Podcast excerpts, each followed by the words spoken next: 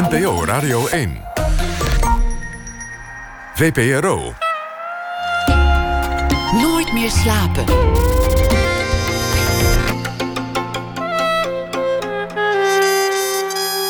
Met Pieter van der Wielen. Goedenacht en welkom bij Nooit meer slapen. Al bijna twintig jaar woont schrijver en journalist Pieter Waterdrinker in Rusland. We zoeken hem op in Petersburg. Zometeen een verslag daarvan na ene, naar aanleiding van zijn nieuwe boek. Ramon Mangold is fotograaf en katholiek. En dat is ook zijn onderwerp, Katholiek Nederland. Hij won vele prijzen voor zijn foto's en nu heeft hij een fotoboek uit over het katholieke Nederland. Een wereld vol pracht en praal. Thomas Verbocht schrijft een verhaal bij de voorbije dag. Maar komend uur praat ik met Nanook Leopold. Ze won meerdere gouderen kalveren en eh, haar films werden vertoond op de grote Europese filmfestivals. Cannes, Berlijn. Films als Grancey, Brownian Movement, Wolfsbergen, Boven is het stil en Il Flottant. Ze is de koningin van de ingetogen film waarin niet alles wordt uitgesproken, maar de personages in stilte het verhaal zich laten voltrekken. In haar films wordt zelden iets bij de kijker ingezeept. Maar nooit eerder durfde ze het aan om toneel te maken. En nu doet ze dat wel. Ze is uitgenodigd door Ivo van Hoven. Bij toneelgroep Amsterdam maakt ze een voorstelling uit het leven van marionetten. Wat ooit een film was van Ingmar Bergman. Een filmisch meesterwerk uit 1980, maar hoe breng je dat allemaal op toneel? Beroofd van het arsenaal aan filmische middelen dat ze inmiddels zo goed beheerst. Nanook Leopold werd geboren in 1968, is filmmaker, nu ook theatermaker en beeldend kunstenaar. Nanook, hartelijk welkom. Hallo. Hoe ging dat? Want, want uh, Ivo van Hoven die, die stuurde jou een mailtje met, met als, uh, als titel fanmail. Ja. ja, ik was wel erg vereerd. Ja, hij, hij zei dat hij fan was en vroeg of we een keer een glas wijn zouden drinken samen. Jij dacht, nou ja, vooruit. Het is Ivo van Hoven, wereldberoemd inmiddels. Laat ik het doen. en toen kwam dat verzoek. Ja. Nou, sterker nog, Volgens mij had hij die mail een jaar daarvoor gestuurd. En toen had ik helemaal niet meteen gereageerd. Want toen dacht ik, oh, wat, ik weet niet. Het, over, over het algemeen doe ik juist niet van die dingen. Maar ik was in een soort fase dat ik dacht. Uh, ik, moet, ik moet ja zeggen. Dus toen schreef ik terug: wat leuk, laten we elkaar ontmoeten. En toen hadden we eigenlijk binnen een week een afspraak. En, en na een kwartier was toch wel de vraag. Uh, zou je, zou, heb je er wel eens aan gedacht om iets voor toneel te doen of in het theater te doen? Of? En toen zei je ja. Nee, toen zei ik, nee, nee, toen zei ik nee, nee, daar heb ik eigenlijk nog nooit aan gedacht. Maar nu zit ik hier. Toen zei hij, zou je dat dan willen? En toen dacht ik, ja, dat wil ik wel eens proberen. Verbaasde je jezelf daarmee, dat je ja zei? Ja. uh, ja. Ja, maar uh, ja. Ja. Ja, want je zei net in je intro van dat ik het nog nooit had aangedurfd, maar ik had eigenlijk nog nooit over nagedacht. Zelfs dat niet? Nee, het is echt iets anders. En ik, en ik kan me ook herinneren dat mijn eerste gedachte was: hoe moet ik dan een close-up maken? Maar gek genoeg was dat toen we eenmaal begonnen, was dat niet meer het, niet meer het ding, zeg maar. mijn grootste vraag was meer: wat moeten ze doen? Hoe moeten ze bewegen? Moeten ze wel bewegen? Wat, hoe ga je bewegen als er niks is? Dan moet je een andere reden verzinnen om te bewegen. Tenminste, nou, oké, nu sla ik alles over, maar ik dacht, ik ga maar niet een echt huis met een tafel, een stoel, een bank en dat soort dingen doen. Want dan kom ik te dicht bij film. Dus ik, dus ik wou uh, de abstracte kant van het toneel. Als filmregisseur ben je, ben je altijd heel conscientieus geweest. Elke stap volledig beheersen voor je maakte. Dus precies weten wat je doet met die camera, precies weten hoe al die trucs van, van, het, van, het, van het filmmaken werken, stap voor stap het onder de knie krijgen. Dat, dat is eigenlijk volgens mij hoe jij hebt gewerkt als regisseur in film. Ja, dat klopt. Maar het enige wat niet klopt is beheersen voor het maken. Want dat bestaat niet. Dat kan niet. Nee, je moet het dan gewoon doen. Maar dan deed ik wel dat ik wist van ik ga nu... Het duurde ongeveer vier films lang voordat ik dacht... nu kan ik bewegen met die camera. En daarvoor stond de camera gewoon stil... omdat je daar nog niet zeker was van... kan ik eigenlijk wel zwenken en zwieren. En... Ja, of er was een heel klein beweging een keer of zo, maar. ja.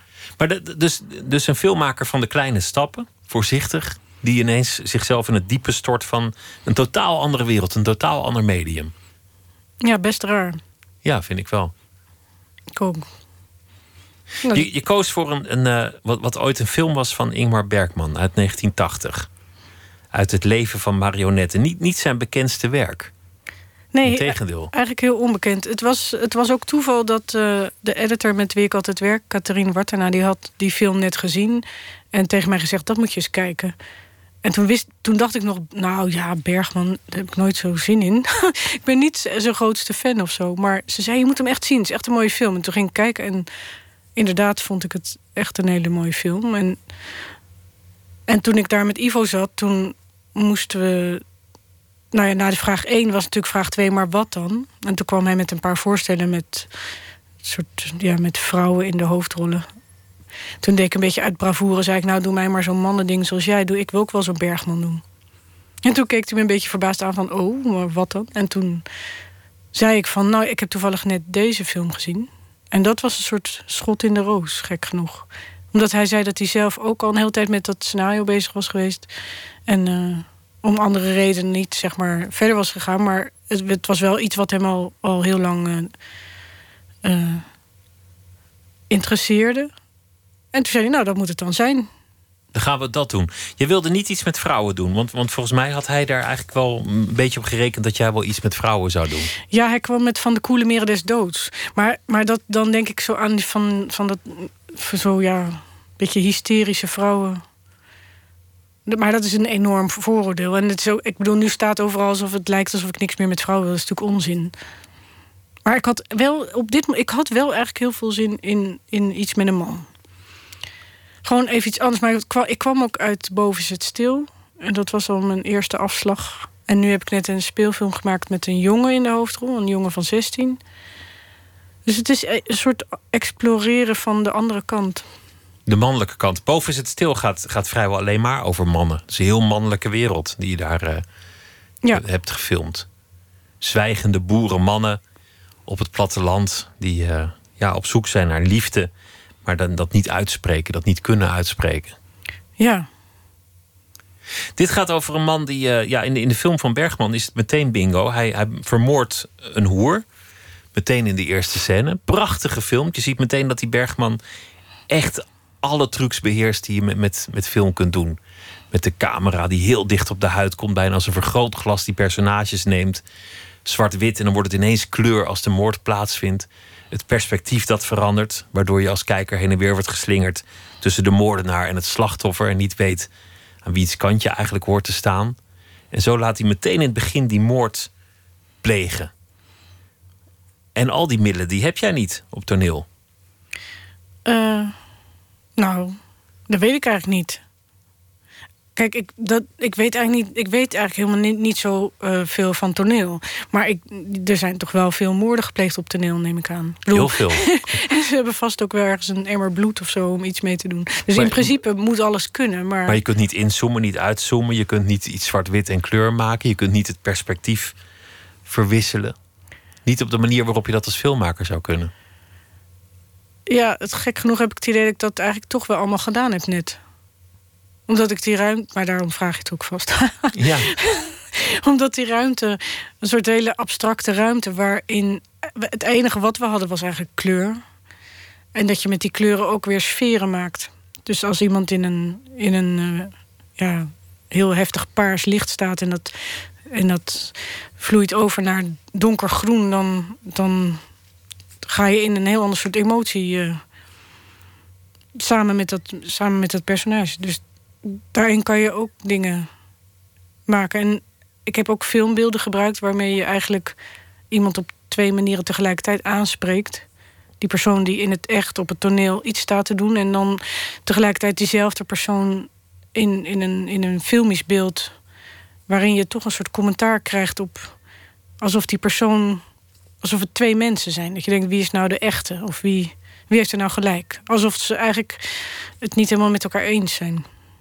Het toneelbeeld vond ik prachtig. Ik ben afgelopen vrijdag naar de try-out gegaan. Ik, ik vond het visueel zag het, zag het er fantastisch uit. Heb je, heb je dat ook meteen zelf gedaan?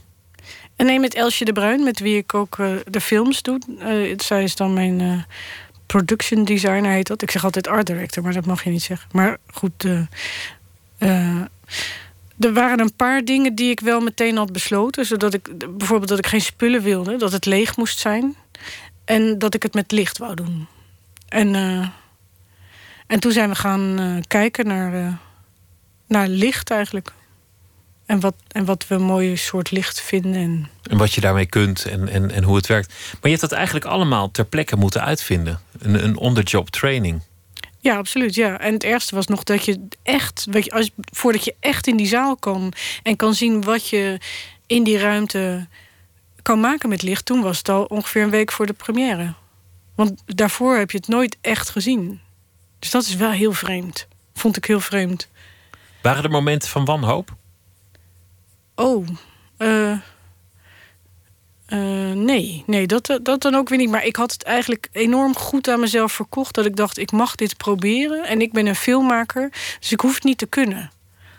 Dus als het misgaat, dan, dan, ja, dan, dan vindt iedereen dat vast ook, ook goed. Want ik ben er niet voor opgeleid of zo.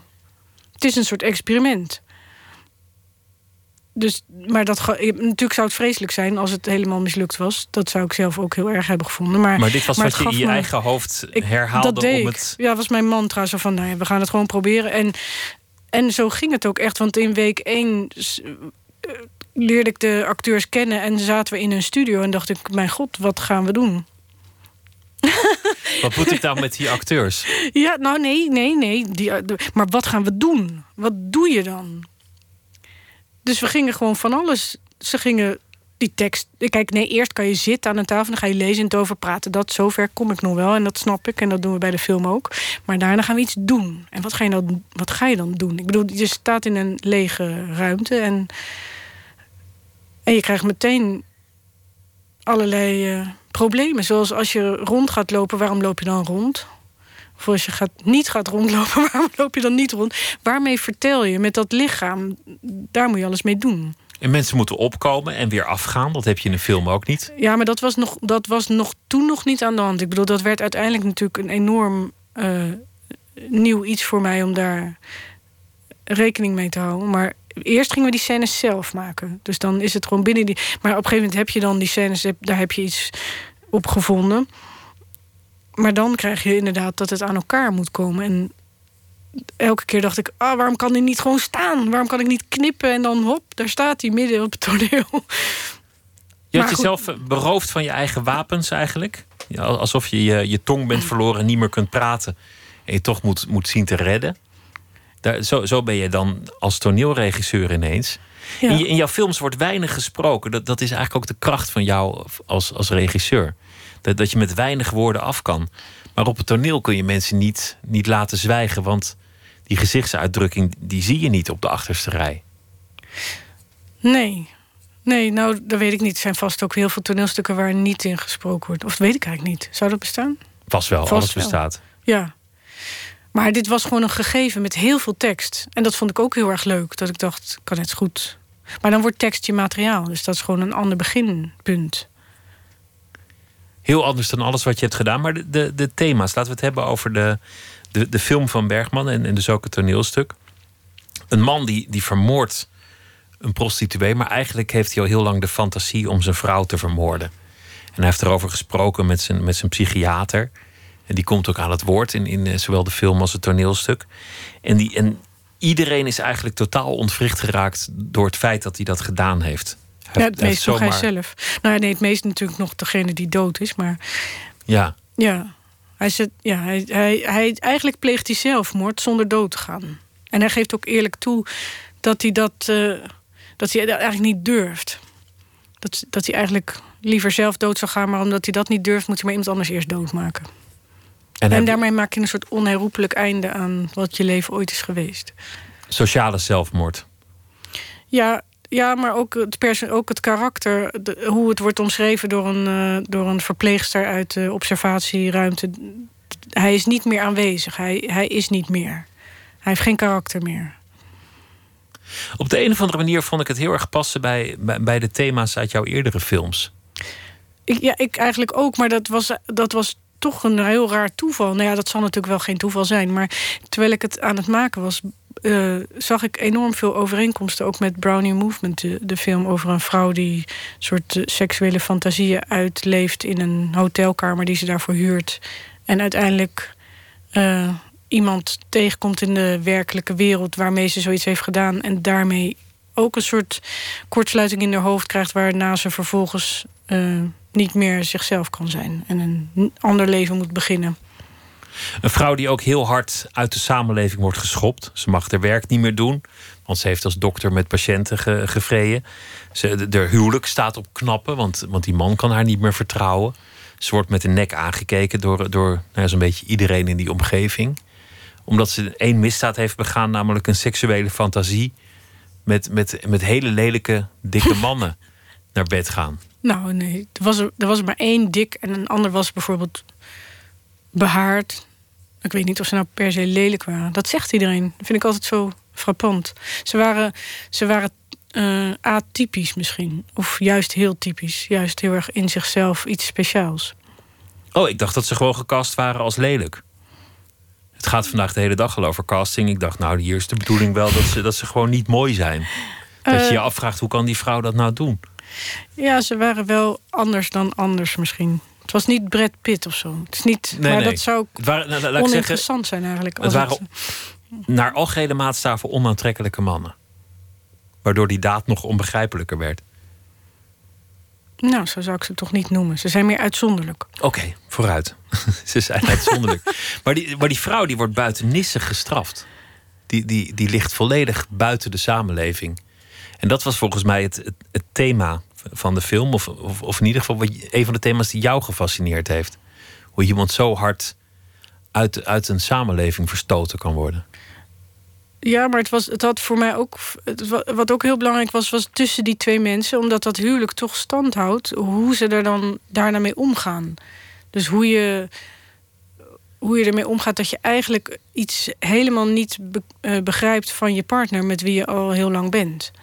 Soort, kan je dat dan verdragen? Dat die ander een, een deel heeft wat je niet deelt. Dat je de ander nooit echt hebt gekend. Helemaal kent, ja. En dat zit hier ook heel erg in dat, dat uiteindelijk uh, zijn de vrouw van de hoofdpersoon zich afvraagt van... maar wat hadden we dan eigenlijk voor leven toen we nog gewoon samen waren? En, uh, Want zij ziet niet aankomen dat er man een moord zal plegen. Nee, niemand ziet dat aankomen. En zo is het ook het hele stuk gesitueerd... dat je eigenlijk alle mensen om hem heen hebt. Zijn moeder, zijn psych, zijn, uh, eigenlijk een, ook een vriend van hem, zijn vrouw en een huisvriend. Dat is in, in meer van jouw films een thema. Dat, dat mensen een leven leiden, maar, maar dat zou zomaar ook niet hun leven kunnen zijn. Mensen zijn iemand, maar ze zouden het ook zomaar niet kunnen zijn. Ze zouden zomaar heel iemand anders kunnen zijn. En mensen zijn met anderen, maar dat zouden ook zomaar heel andere mensen kunnen zijn. Ja, maar ja, dat is toch het leven. Ik bedoel, dat is niet heel uitzonderlijk. Er hoeft maar iets te gebeuren en alles staat op zijn kop. Dat is hoe jij dat ziet? Nee, dat is zo. dat is zo? Nee, dat is hoe jij het ziet. Dat is per definitie zo. Ja, weet ik veel hoe het is. Nee, maar ik bedoel, dat, uh, het is maar welke kaart je trekt. Ik bedoel, dat is ook dagelijks in het nieuws. Je mocht het zelf net nog zeggen over mensen die opeens hun hele leven op hun kop staan. Eh. De, ja, maar er kan ook iets simpels gebeuren, zoals dat je een auto-ongeluk krijgt. Niet dat je dat, ik bedoel, god beter, maar. En alles is anders. Dus je, je denkt dat je het weet, maar ineens is er een totaal nieuwe werkelijkheid ontstaan. Ja. En, en zijn dat soort zekerheden er niet? Dat, dat is iets wat jou fascineert. Maar er bestaan helemaal geen zekerheden. Dat denk ik eigenlijk. Maar dat, ik bedoel, dat is toch ook gewoon zo. Alleen, je, je, het is natuurlijk gangbaarder om uh, daar niet de hele dag over na te denken. In jouw films lijkt het wel alsof alle, alle grote dingen ergens gebeuren waar, waar je net niet kijkt. Het is niet zo dat, dat de grote gebeurtenissen in de film ook meteen de grote gebeurtenissen zijn, als je begrijpt wat ik bedoel niet alles wordt uitgesproken, niet alles wordt prominent in beeld gebracht.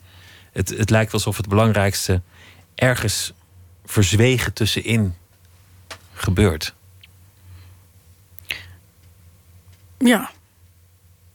Nou moet ik iets wijs zeggen. Nee, maar ik, ik, ik, ik ben benieuwd hoe je daar tegen, zelf tegenaan kijkt. Of dat... Nou, ik denk dat dat eigenlijk ook weer.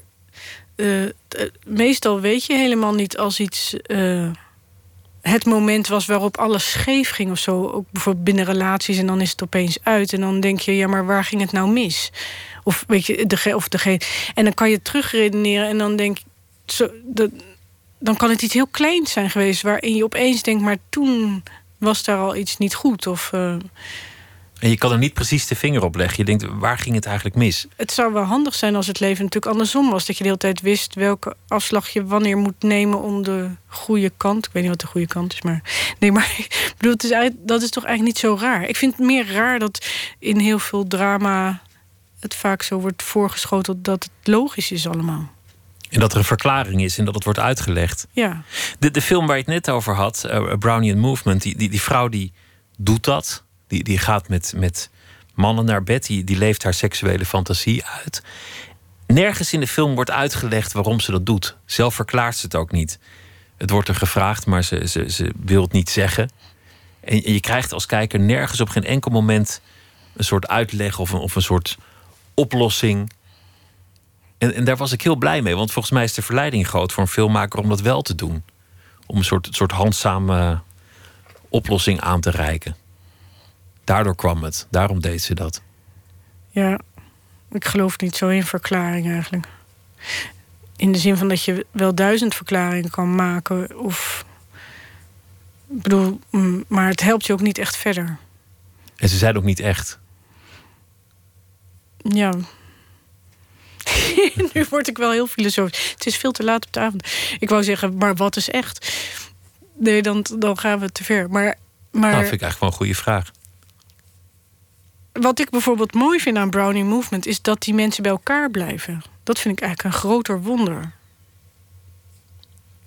Dan dat ze gewoon uit elkaar zouden gaan... wat de meeste mensen zouden doen. Ja. En dat vind ik eigenlijk ook bijna hoopvol of zo. Dat ze het toch proberen. Maar ze blijven bij elkaar. Maar volgens mij is het, het huwelijk helemaal niet meer, uh, niet meer goed. Niet de, de, stiltes, de blikken. Je kon wel zien, dat is, dat is helemaal niks meer. Ja, dat weet je niet. Dan moet je de film maken tien jaar later. En dan hebben ze elkaar hoe... misschien weer gevonden. Je zei net dat je, dat je niet een groot fan was van het, van het werk van Bergman. En, en dat verbaasde mij. Want, want je zou zeggen dat, je, dat jij daar een enorm bewonderaar van bent.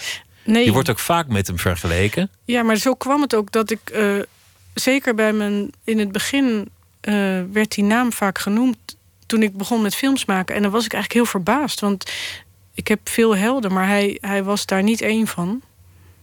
Meer mensen die voor de hand liggen, zoals Antonioni of, of uh, Tarkovsky. Of een beetje uit die tijd wel. Buñuel of Pasolini. Ik zou zo'n hele lijst kunnen geven van dingen die ik zag toen ik jong was... en die me enorm geïnspireerd hebben. Maar daar was Bergman zeker, zeker niet één van. Alleen toen ik die naam vaak hoorde, toen ben ik het wel gaan kijken. Dat ik nieuwsgierig was. En toen zag ik dat zijn personages wel een soort familiegevoel opwekken bij mij. Dat ik denk, de, manier waarop die mensen met elkaar omgaan en, en hoe ze neer worden gezet, die hebben een soort. Dat noemt men dan hard en koud. Wat ik helemaal niet zo vind eigenlijk. Ik vind ze ook heel grappig. Alleen het zijn niet. Uh, het is niet de verhouding van bijvoorbeeld Franse meisjes in films die dan zo'n klein jurkje aan hebben en dan de zeggen van. Dat, dat, nou, nu zeg ik iets raars. Maar uh, ze zijn nogal stevig in, uh, tegen elkaar in aan het gaan. En, dat herken ik wel. Ik vond, dat vond ik ook eigenlijk het allerleukste aan dit hele uh, experiment. Dat ik dan met zijn personages aan de gang mocht gaan. Dat je zijn scenario voor je had en, en, kon denken: wat ga ik hier zelf mee doen? Ja. Hoe zou ik dat aanpakken? Ja, en het zijn zulke mooie, het zijn zulke mooie personages, zijn zo mooi beschreven. En ook wat er met ze gebeurt. Het is zo goed geschreven. Dus daarin uh, heb ik hem nu helemaal uh, uh, eigenlijk leren kennen van hoe nauwkeurig dat is. En hoe hij werkt en hoe hij er tegenaan kijkt. En je hebt eigenlijk over, over zijn schouder meegekeken bij Ja. het maken van deze productie. Ja. Ja, het, het is wel interessant, want volgens mij verhoud jij je ook echt tot die hele grote. Je noemde net zo'n hele lijst van eh, legendarische regisseurs. Allemaal een beetje oud ook, hè? En nou ja, maar wel de, de hele grote klassiekers van de cinema. Volgens mij is dat ook, zijn dat ook de mensen aan wie jij het liefst zou meten. Ik heb niet de indruk dat jij denkt... wat, wat is de nieuwe Paula van der Oest en hoe verhoudt hij zich tot de mijne? Nou, ik, ik, bedoel, ik vind Paula een hele goede regisseur, maar.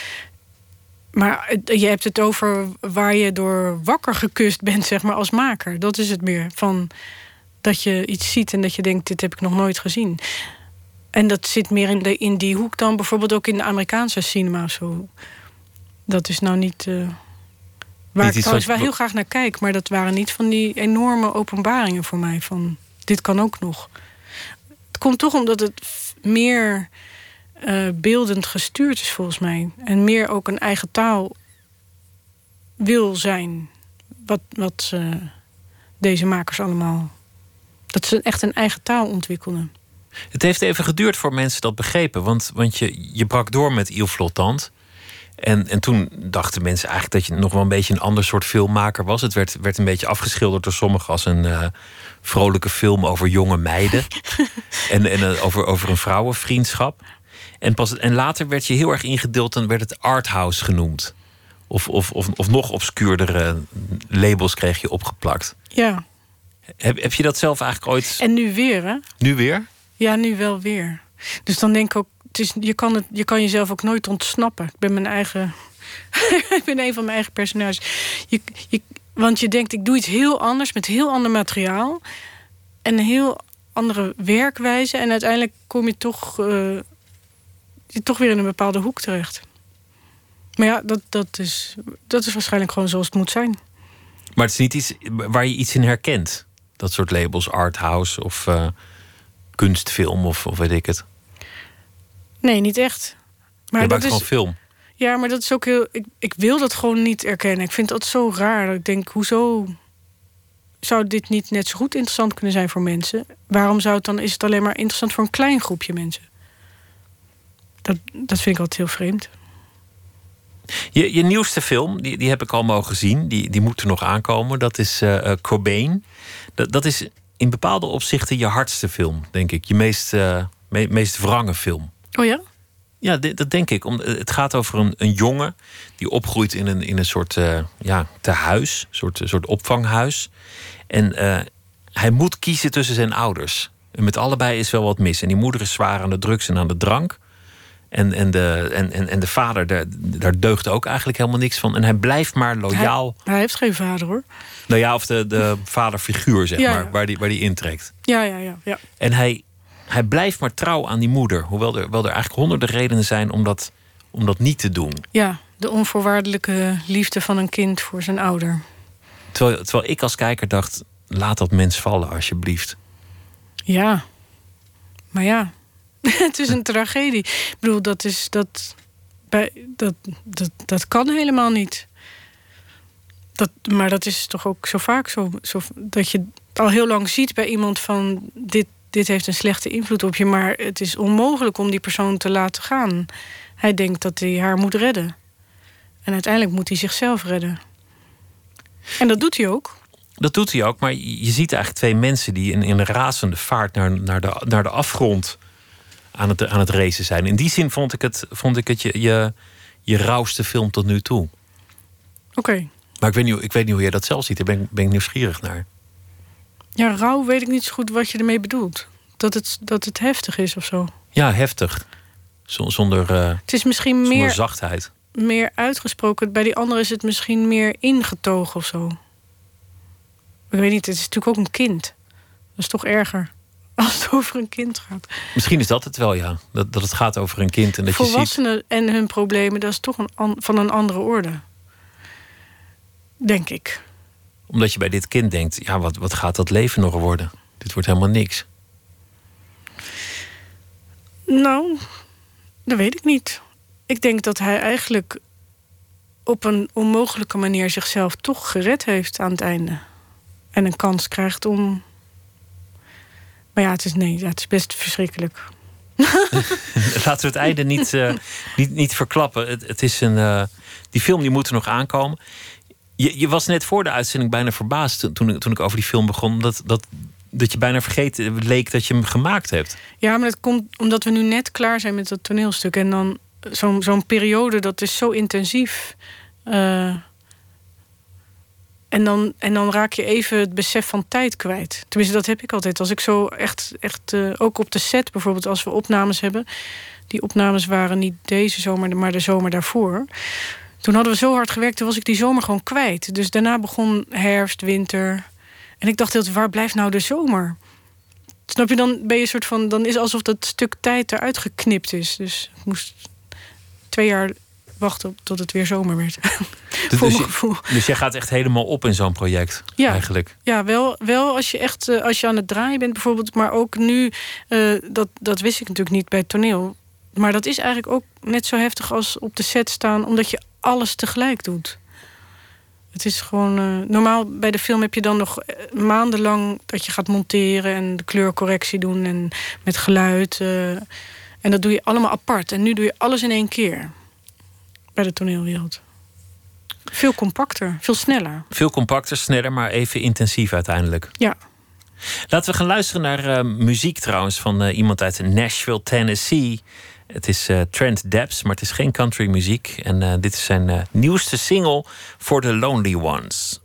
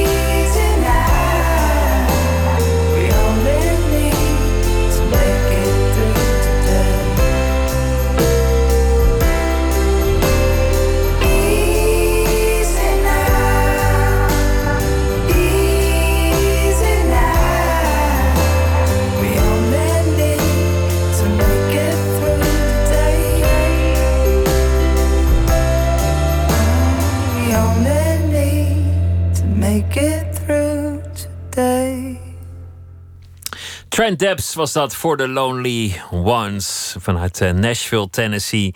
Nooit meer slapen in gesprek met Nanook Leopold. Naar aanleiding van eh, een toneelstuk. Te zien bij toneelgroep Amsterdam. Uit het leven van marionetten naar een film van Bergman.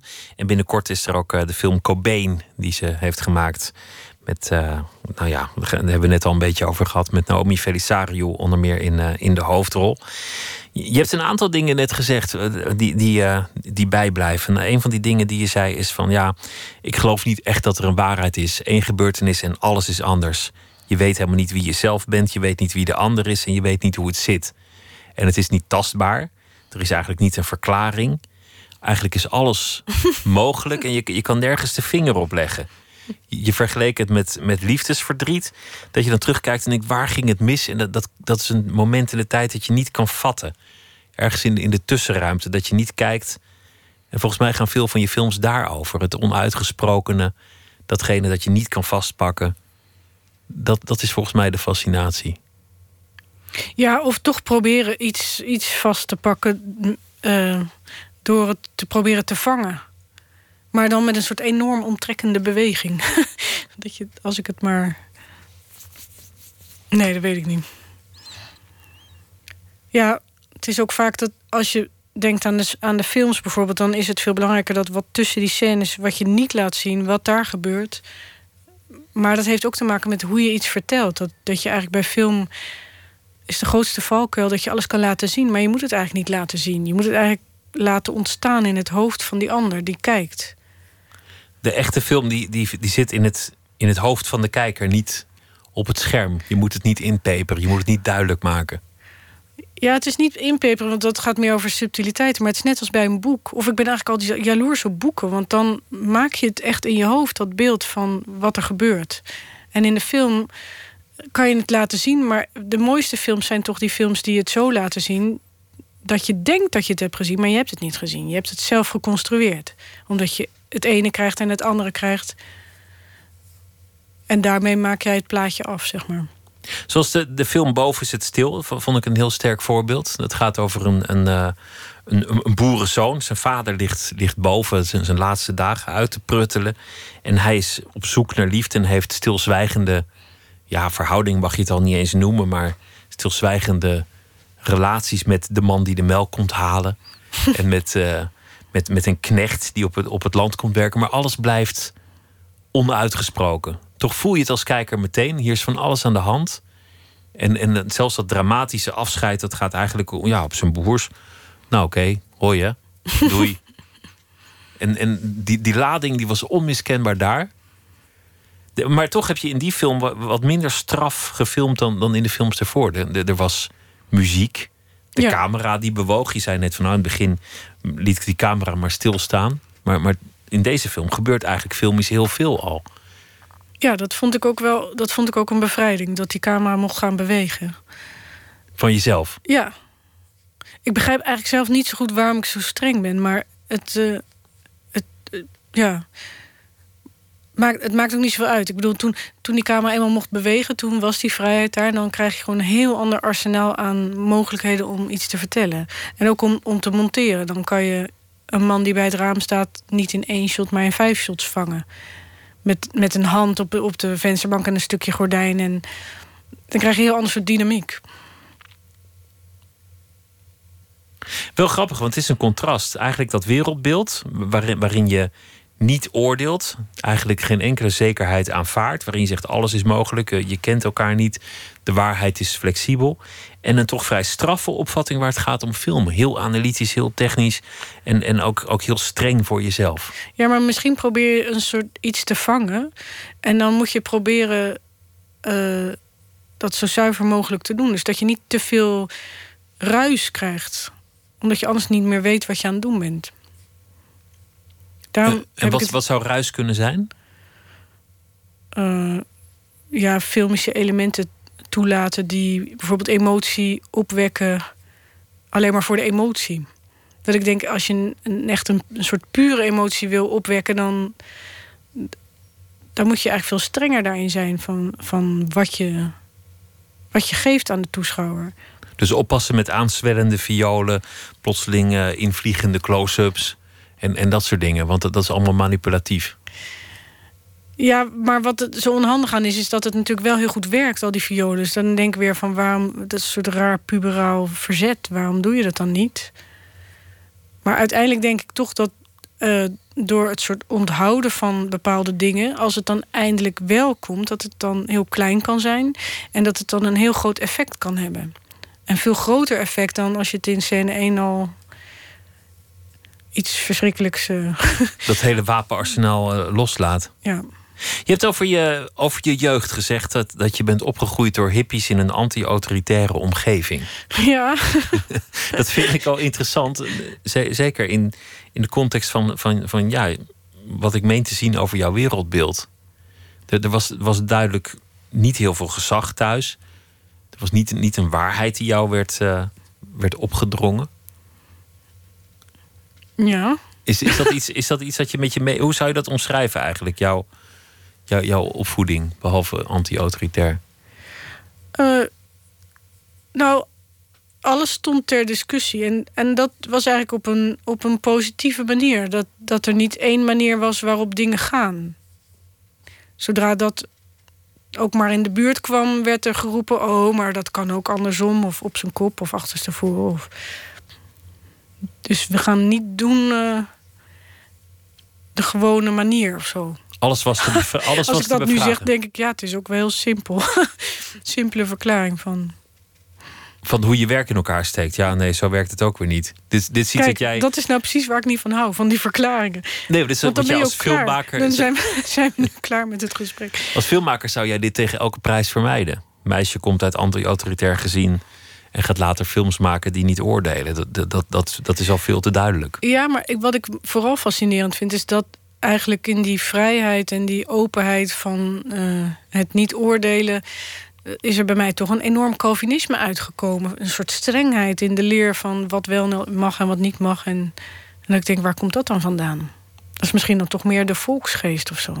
Want dat kwam niet van je ouders. Volksaard, hoe zeg je dat?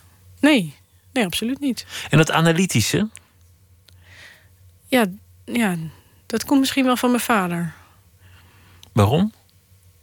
Eh, Was, het- was dat een heel analytisch ja, iemand? dat vond, ja, vond ik wel, ja. Die liet zich liever eh, leiden door het uiteenzetten van een, een logische gedachtegang dan door emoties. In alles. In, in, in het leven, in het bestaan. Nou, nee, ja, dat weet ik niet, maar gewoon. Een, een, een, ik weet niet. Ik heb er zelf ook altijd wel van gehouden. Van het, van het analytische. Je, je ging eerst kunstacademie doen. Het was, het was helemaal niet je eerste liefde, de, de film. Jawel. Jawel, de film is altijd mijn grote liefde geweest. Maar ik wist niet dat je films kon maken. Ja, dat klinkt heel raar. Maar ik ging gewoon heel veel naar de film met mijn, met mijn moeder in eerste instantie. Toen we klein waren, dan ging... Want ik geloof dat mijn moeder dat ook fijn vond om dan even... Als er ruzie was of ik weet niet wat... Wat voor verplichting dan ook, dan wilde ze ontsnappen. En dan zei ze, oh, wij gaan even naar de film. En dan gingen we met mijn zus en ik... met mijn moeder in een taxi naar de film, zo heette dat. En dan gingen we ook vaak tien keer naar dezelfde film. Bijvoorbeeld eh Bugsy Malone. Dat is een film over kinderen die met slagroom schieten... en die doen ga- gangsters na. Die heb ik denk ik wel vijftien keer gezien of zo. En het was letterlijk ontsnappen. Als er, als er iets, eh, iets was waaraan ontsnapt moest worden. Als het Ja. even niet gezellig was. Of, eh, Ja, ja. En als ik nu over nadenk, moesten we eigenlijk heel vaak ontsnappen. Maar dat wil niet zeggen dat het altijd ongezellig was. Maar we gingen heel vaak naar de film. Ehm, altijd al. dat was er gewoon. Maar, je- maar je wist niet dat je het kon studeren. Je wist niet dat het een vak kon zijn. En later, zeg maar op de middelbare school, ging ik zelf ook heel veel naar de film. Toen had ik het gewoon zelf overgenomen. En toen kwam er ook nog het filmfestival in Rotterdam... dat een vriendin mij meenam en zei... daar gebeurt iets in Land aan Venster. En nou ja, toen wist ik helemaal niet wat, er, wat me overkwam. Zeg maar, dat je ook nog dat soort films... dat werd ik helemaal overdonderd van wat daar wel niet allemaal te zien was. En, eh, maar dat je ze kon maken, nee, daar was ik gewoon niet opgekomen. En ik wilde wel altijd dingen maken. Dus ik, ik vond het gewoon heel logisch om naar de kunstacademie te gaan. Ja, heel raar eigenlijk. Want ik was niet nou een schilder of een tekenaar of zo. Wat deed je dan op de kunstacademie? Ja, ik deed eh, eh, monumentaal en mixed media en AV. Dus AV audiovisueel is AV dat dan? is audiovisueel. Dus daar, daar kreeg ik voor het eerst een camera in mijn handen. En, en moest ik iets doen met vlakjes in dia's die op elkaar ook een soort opeenvolging maakte. En dat bleek ik een soort gevoel voor te hebben. Dat, dat was iets wat, eh, wat opeens, wat ik helemaal niet had verwacht. Maar dat, dat overviel me een beetje. En, en bij die ruimtelijke afdeling maakte ik eigenlijk installaties. Wat ik nu ook nog steeds doe, samen met mijn vriend Want dat, hebben jullie, dat, dat heb je nooit losgelaten, de beeldende kunst. Jawel, dat heb ik heel lang losgelaten. Om, om, ja, oké, ja. Het is een ingewikkeld verhaal. Ik, wel, ik moest altijd gewoon dingen... eh bijvoorbeeld moest ik voor fotografie fo- een foto maken. Maar dat lukte me niet. Dan ging ik tien foto's maken. En dan hing ik ze in de gang. En dan zei ik, je moet hier beginnen. En dan moet je daar naartoe lopen. En dan in die volgorde naar die foto's kijken. En dan zei die leraar van... Ja, maar ik had gezegd gewoon één foto. Ik zei, ja, maar dat kan niet. Je moet eerst hier. En dan eigenlijk moet je zo lang hier naar kijken. En dan drie stappen lopen. En dan daar naar kijken. Dus ik ging obstakels maken dat mensen niet te snel door konden, konden lopen. Dat ze... Maar wat dat eigenlijk is, is montage. Maar dat wist ik helemaal niet. Snap je? Dus ik wou een volgorde voor jou hoe je naar iets kijkt. Eigenlijk was je al film aan het maken. Ja, maar dat wist ik niet. En, en toen een vriendin van mij, vrouwtje Tan, die ging een film maken. En, en toen was ik soort van helemaal dat ik dacht, wacht even, kan dat? en, en, eh, en vanaf dat moment eh, ging ik film maken. En toen ging ik ook meteen... eh, nou, toen heb ik twee korte films samen met haar gemaakt. En toen ging ik naar de filmacademie omdat ik een speelfilm wou maken. En hoorde van iedereen dat dat niet kon. Dat het niet zomaar kon. en dacht ik, nou, dan moet ik maar naar die filmacademie en dan leer ik het daar wel. En toen kwam alles samen. Al die dingen. Ik werkte altijd al met tekst. Ik werkte met choreografie. Ik werkte met, met licht, met kaders. Al, en opeens dacht ik, oh ja. Maar dat je nu weer installaties maakt, wat zegt dat dan? Want eigenlijk heb je je medium gevonden in de film. Ja, Maar toch is dat gaan trekken dat, Ja. dat je dan kunst wil maken. nou dat is wel goed van waarom ik hier zit. Natuurlijk ook in relatie tot het toneelstuk. Dat er iets uit moet op de een of andere manier. Eh, en die films die werden professioneler. Maar daarmee zit ook een soort deel van dat je toch aan dingen moet voldoen. En dat je heel veel dingen moet schrijven van eh, waar is dit voor? En wat wil je er nou eigenlijk mee? En zo. En, en Daan was eigenlijk in zijn werk ook eh, eh, meer, meer in de educatieve kant gaan zitten. En toen besloten we iets van acht jaar geleden om weer installaties te gaan maken. Om eigenlijk totale vrijheid te hebben. Dat niemand zegt waar het aan moet voldoen. En dat niemand zegt wat het moet voorstellen. En, dat was, en dat was ook eigenlijk weer een bevrijding. Want, want de weg naar een film is tamelijk lang. Ja, Voor je het geld bij elkaar hebt. en er moet heel veel hobbels en- langs en heel veel mensen langs. En iedereen moet het ermee eens zijn dat het dat gaat worden. En, en nu zijn we eigenlijk dan, dan zijn we gewoon met z'n tweeën. En het leukste is nog wel hoe wij werken. Dat we eigenlijk helemaal niet zoveel praten erover. Dat we het meer in het doen doen. Wat eigenlijk heel raar is voor een installatie. Want daar heb je vaak wel veel media en techniek voor nodig. En allemaal spullen. Maar dan, we doen het meestal in, eh, in project. eh, in een soort project. Dat we bijvoorbeeld een week met eh, Max Stewart gingen werken. Een, een danseres die, die ik ontmoet had. En, en dan gingen we een week lang op een plek werken... waar we tegelijkertijd dingen maakten. En dan aan het eind van die week konden we dat dan laten zien. Het vertaalt zich ook wel naar het, naar het beeld van, van het toneelstuk. Dat, dat, dat je daar heel erg mee bezig bent en met installaties. Ja. Het is, als, je, als je zeg maar nog geen woord gehoord zou hebben, is het al prachtig om naar te kijken. Dat hoop ik, ja. Ja. En het is een ander soort manier van communiceren. Want je mag in toneel veel abstracter zijn. En dat vond ik ook heel leuk, dat dat eindelijk mocht. Want in, in film zit je altijd zo in het... Terwijl ik natuurlijk... Eigenlijk zijn die films op een bepaalde manier ook abstract. Alleen je bent altijd met het realisme. Je bent altijd... eh, eh, deze man zit in die stoel en heeft zo'n jasje aan. En, nou oké, op toneel hebben ze ook een jasje aan, maar ik had geen stoel.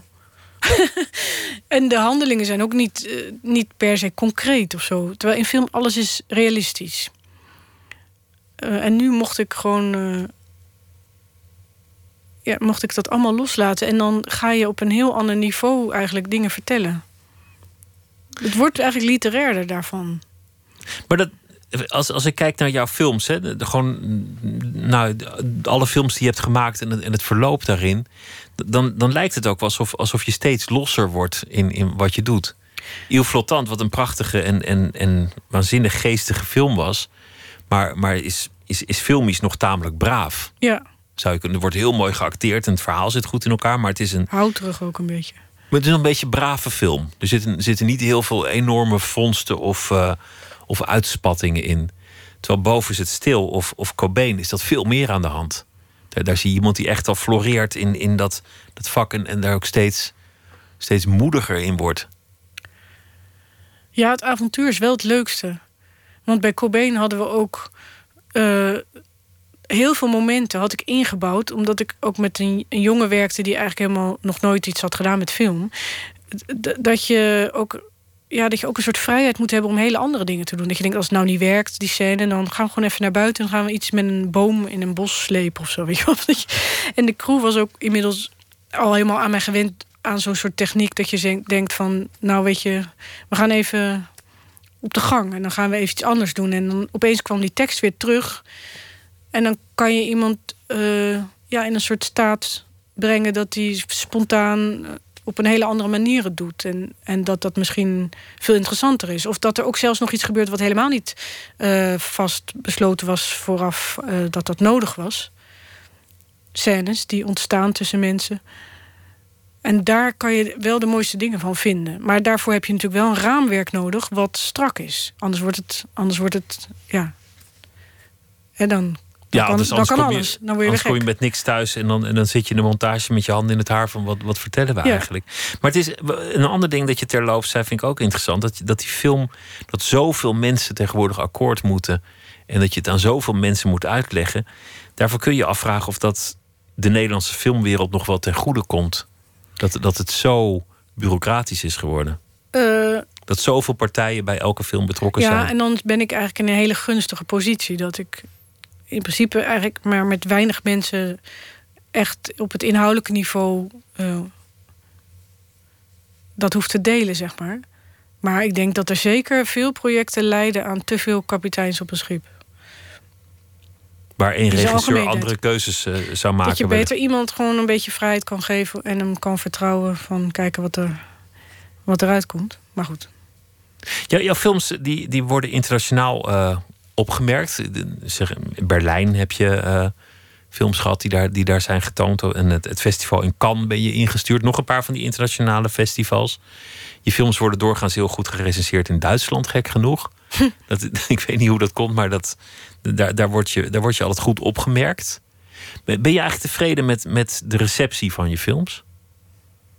In zijn algemeenheid bedoel je? Ja, is dat, is dat iets, iets dat jou bezighoudt? Jawel. Jawel, zeker wel. Nou ja, ik zou het ook wel leuk vinden als er toch nog meer mensen naar gingen kijken. Het is toch een soort niche. En dat vind ik toch jammer. Als de niche zou zijn in vele landen, dan is er niet zoveel aan de hand. Nee, dat zou eigenlijk perfect zijn. Ik hoef niet, eh, ik hoef niet met 50 kopieën in de paté of zo.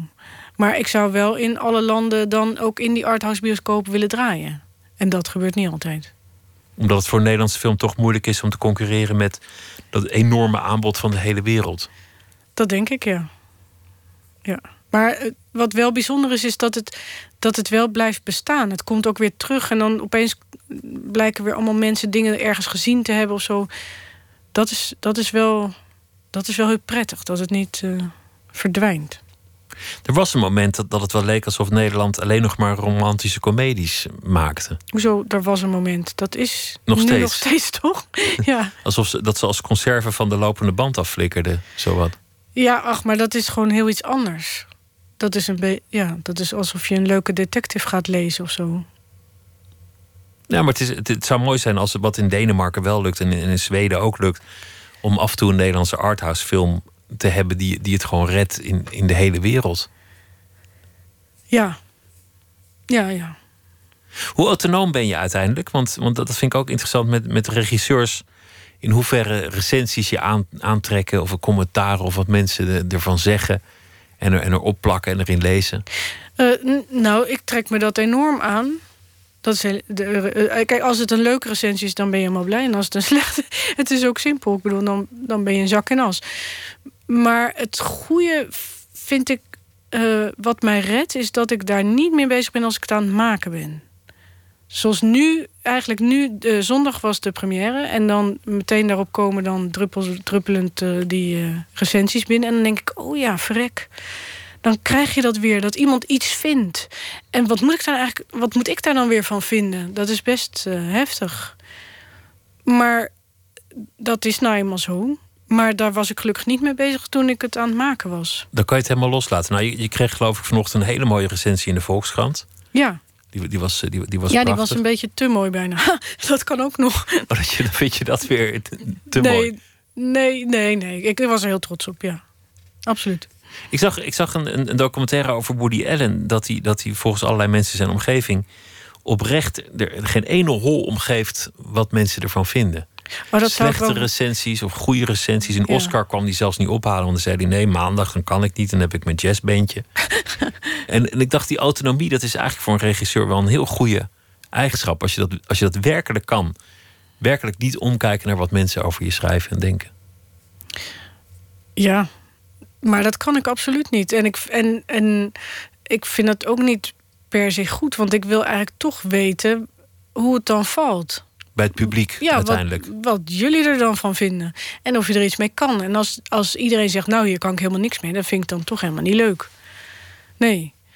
Maar als het evenwicht daar is, zeg maar. Ik bedoel, je kan niet iedereen eh, tevreden maken.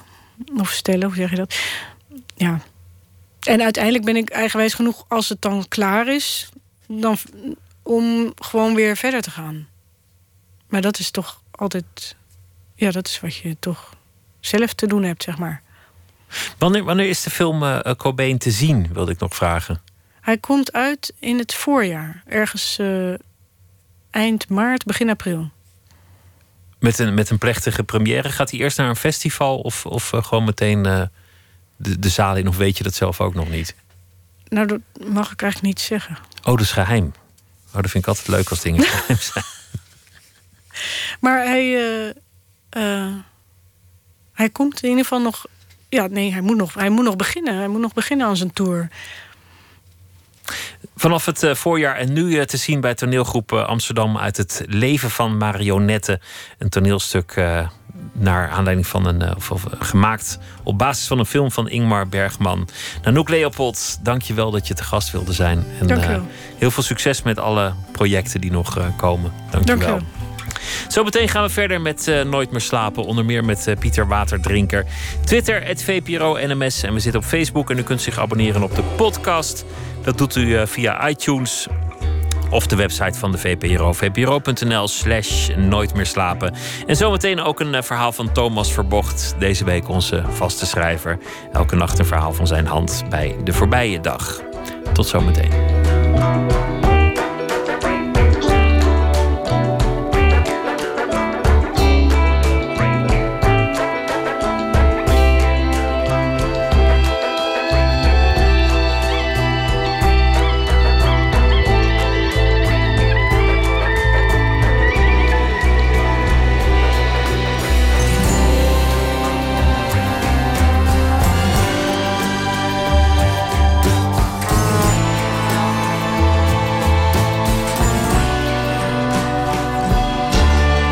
Radio 1.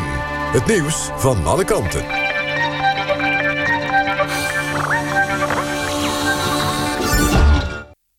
1 uur, Clemens Peters met het NOS-journaal.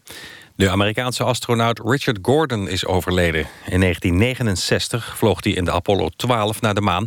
vier maanden nadat Neil Armstrong daar als eerste mens een voet op had gezet. Gordon was zelf niet op de maan. Hij bleef achter in de commandomodule... terwijl zijn collega's twee maanwandelingen maakten. Na zijn afscheid als astronaut werkte Gordon in de gas- en olieindustrie. Richard Gordon is 88 jaar geworden. De Amerikaan die zondag 26 mensen doodschoot in een kerk in Texas... ontsnapte in 2012 uit een psychiatrische afdeling van een ziekenhuis. Dat blijkt uit gegevens van de politie. En degene die destijds melding deed van de ontsnapping... waarschuwde dat de man een gevaar kon zijn voor zichzelf en anderen. Hij was opgenomen omdat hij had zijn vrouw en stiefzoon had mishandeld. En ook had hij zijn superieuren bij de luchtmacht met de dood bedreigd. Agenten vonden de ontsnapte man bij een bushalte en brachten hem terug. In Duitsland is een vrouw van 31 veroordeeld... die samen met haar minnaar haar man met een machete had vermoord. De vrouw heeft levenslang gekregen. De minnaar moet 13,5 jaar de cel in. Hij sneed de hals van de man van 56 door... toen hij seks had met zijn vrouw. Door de uithaal raakte de vrouw zelf ook gewond. Zij ontkent dat ze iets met de moord te maken heeft. Volgens haar werden zij en haar man tijdens de vrijpartij overvallen door gemaskerde mannen. Meer dan 100 jongeren slapen vannacht voor de deur van de concertzaal AFAS Live in Amsterdam.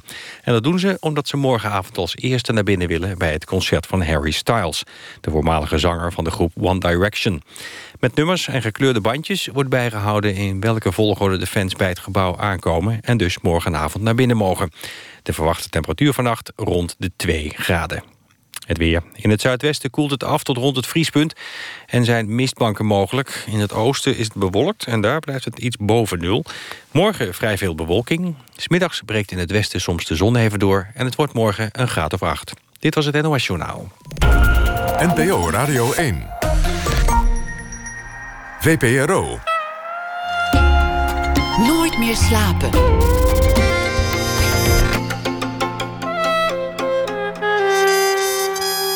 Met Pieter van der Wielen. Schrijver en journalist Pieter Waterdrinker woont al twintig jaar in Rusland. Hij heeft een nieuw boek, Tchaikovsky Straat 40. Gaat over zijn eigen ervaringen in het land. En ook over de gebeurtenissen rond de revolutie van 100 jaar geleden. We gingen naar eh, Sint-Petersburg om met de schrijver te praten. Ramon Mangold komt op bezoek. Hij heeft een eh, boek geschreven, een fotoboek. Katholiek Nederland. En eh, dat gaat over eh, het katholieke Nederland, zoals de titel al suggereert. Thomas Verbocht die leest een verhaal bij het nieuws van de afgelopen dag.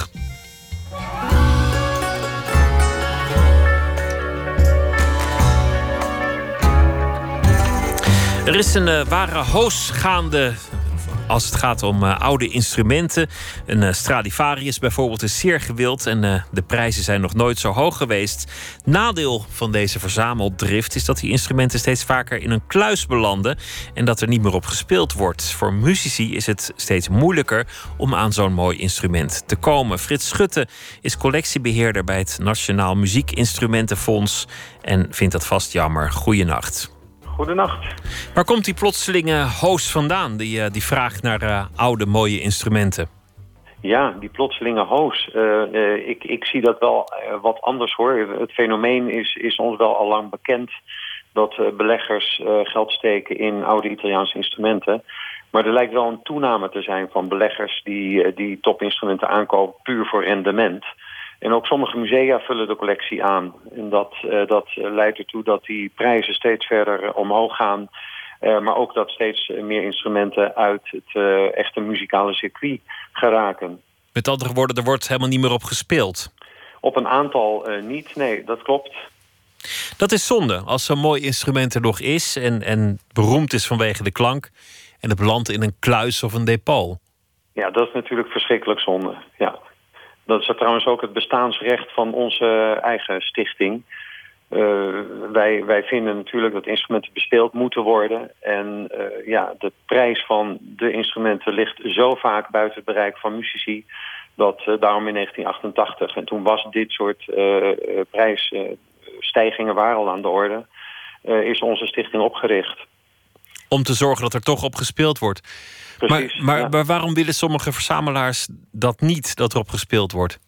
Nou ja, kijk, ik, ik las eh, vandaag in de Volkskrant eh, eh, dat bericht ook nog eens even na. En ik, ik zag daar die prijzen staan van bijvoorbeeld een altviool...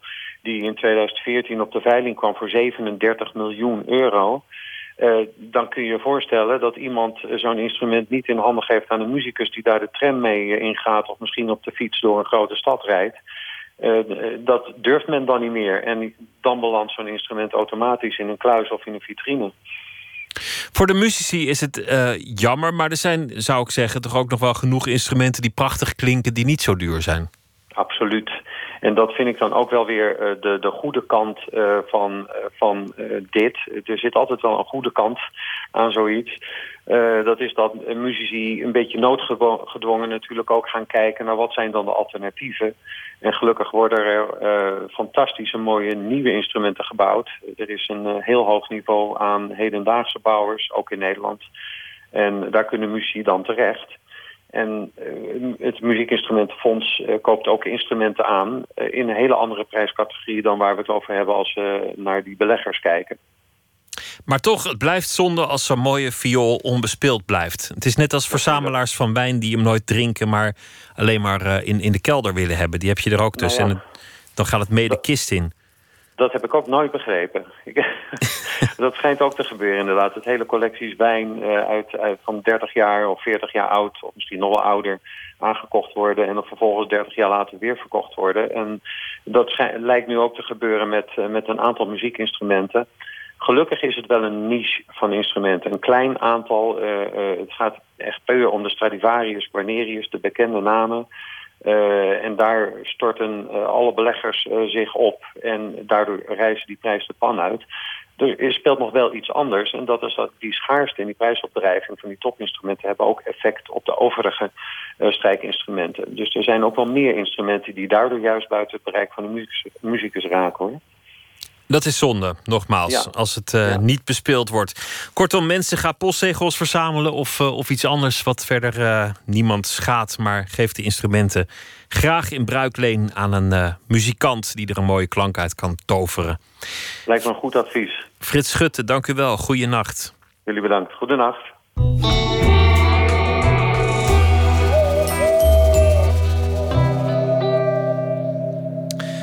Volgend jaar komt er een eh, nieuw album van Joan S. Police Woman. Hier is vast een nummer, Warning Bell.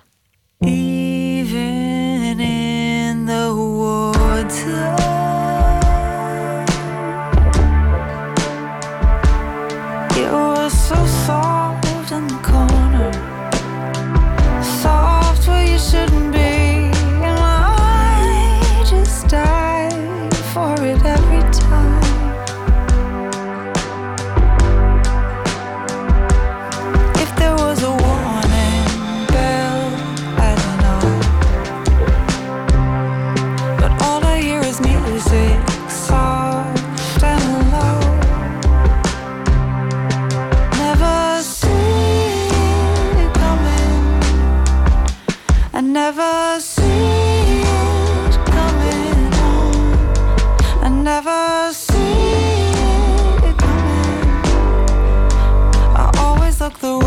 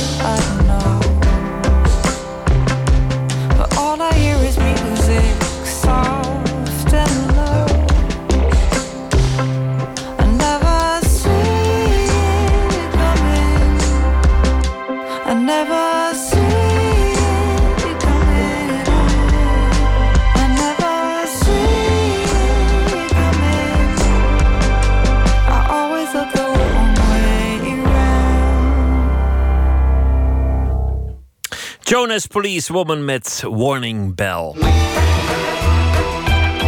Nooit meer slapen.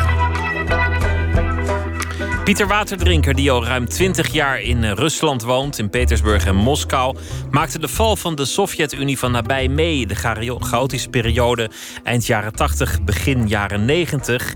En hij probeerde toen eh, volop gebruik te maken van die chaos met alle onwaarschijnlijke mogelijkheden. Hij heeft een nieuwe roman geschreven, Tchaikovsky Straat 40. En het gaat over zijn eigen avonturen en over de gebeurtenissen rond de Oktoberrevolutie van 1917. Matthijs Deen die zocht Pieter Waterdrinker op in Rusland. Petersburg en Nederland zijn geen vreemden voor elkaar. Die eeuwen van handel en uitwisseling poets je niet zomaar weg. Als je een klein gezelschap in militaire uniformen gestoken straatmuzikanten roebels geeft en om muziek vraagt, dan kan je zomaar stuiten op een flatje Nederlands en vaag bekende deuntjes.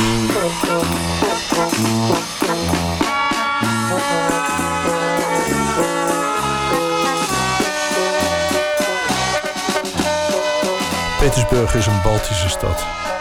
Maar met een dosis literatuur, oorlogsellende, omwentelingen en mystiek... die on-Nederlands en duizelingwekkend is. Alleen al uit de geschiedenis van de afgelopen honderd jaar... van de Oktoberrevolutie tot nu...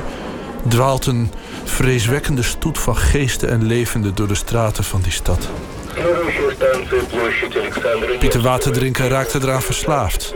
In trappenhuizen achter gevels, in de kelders van stadspaleisjes... en op de eindeloze roltrappen van de metro ziet hij ze gaan. De dode en nog levende Petersburgers. We zijn nu op uh, metrostation Chernyshevskaya.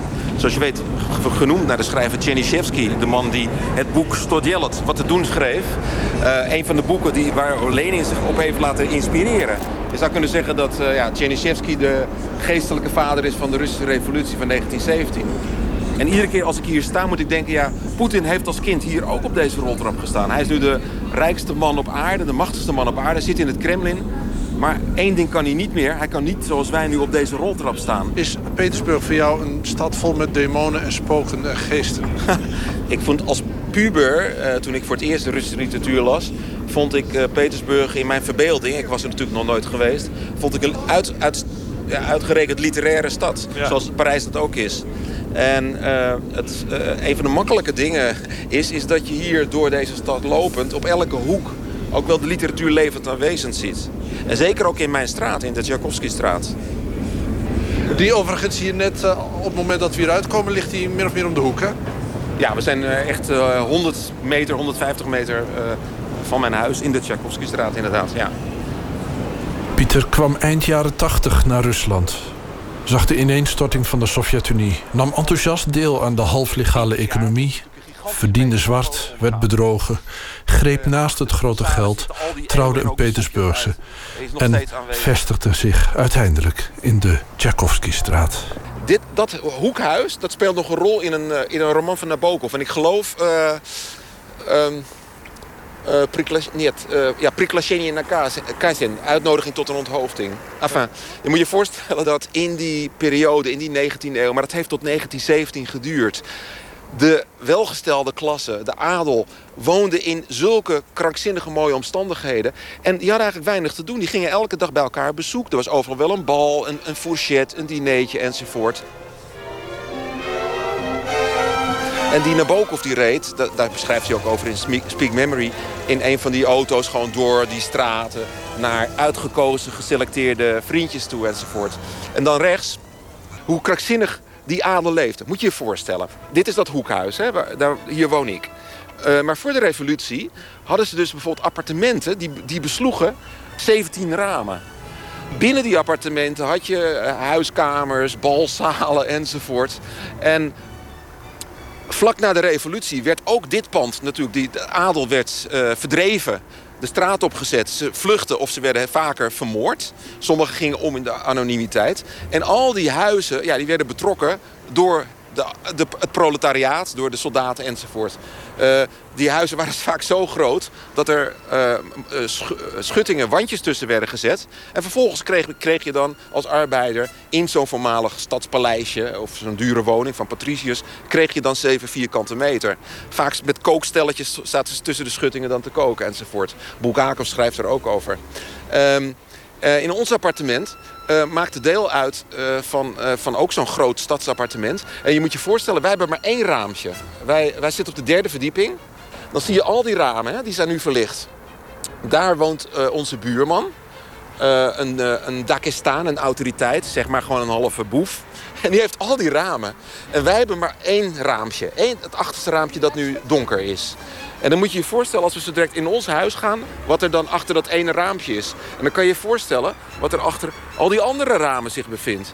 Maar niet alleen in dit huis, maar in al die straten hier in Petersburg. Er is zo'n enorm veel rijkdom vergaard in die periode... Tot, tot vlak voor die revolutie van 1917. Ja, en als je dat met je eigen ogen ziet... dan is het ook wel begrijpelijk dat het volk toen in opstand is gekomen.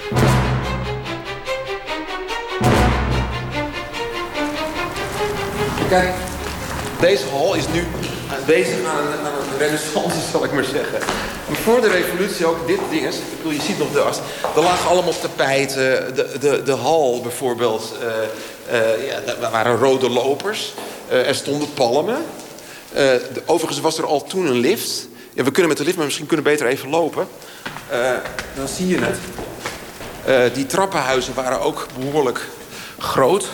Ik moet altijd denken, dit is maar een klein trappenhuis. Maar de, de schrijver Kashin die heeft zich in de eind 19e eeuw in zo'n trappenhuis naar beneden gegooid. Toen ik dat las als kind, kon ik me daar nooit een voorstelling van maken. Maar nu kan je dan wel, dus, dat is zo'n dood in een trappenhuis in Petersburg. Dat hoort ook bij die stad in wezen.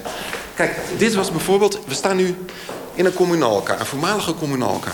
Maar voor de revolutie was dit allemaal met mooie lampen. En was dit één appartement van, van een hele rijke familie, een voorname familie. En ik weet niet of ze of naar binnen kunnen. Hallo? Здравствуйте. Можно побыстро посмотреть, пожалуйста? Мы здесь. Вот. Je moet je voorstellen, dit, we zijn in de derde fase van de ontwikkeling. Voor de revolutie woonde hier dus een, een adellijke familie. Ik weet niet wie, van altijd een rijke familie, advocaten enzovoort. Tijdens de Sovjet-tijd woonden hier dus uh, twaalf families bij elkaar. Je ziet al die bellen, zie je het daar nog? Dat was, dit is, is nog maar een paar maanden geleden. Want ik beschrijf dat in het boek, dat die mensen werden ausgesiedeld. Die werden weggestuurd. En dit is nu opgekocht door een of andere rijke pief.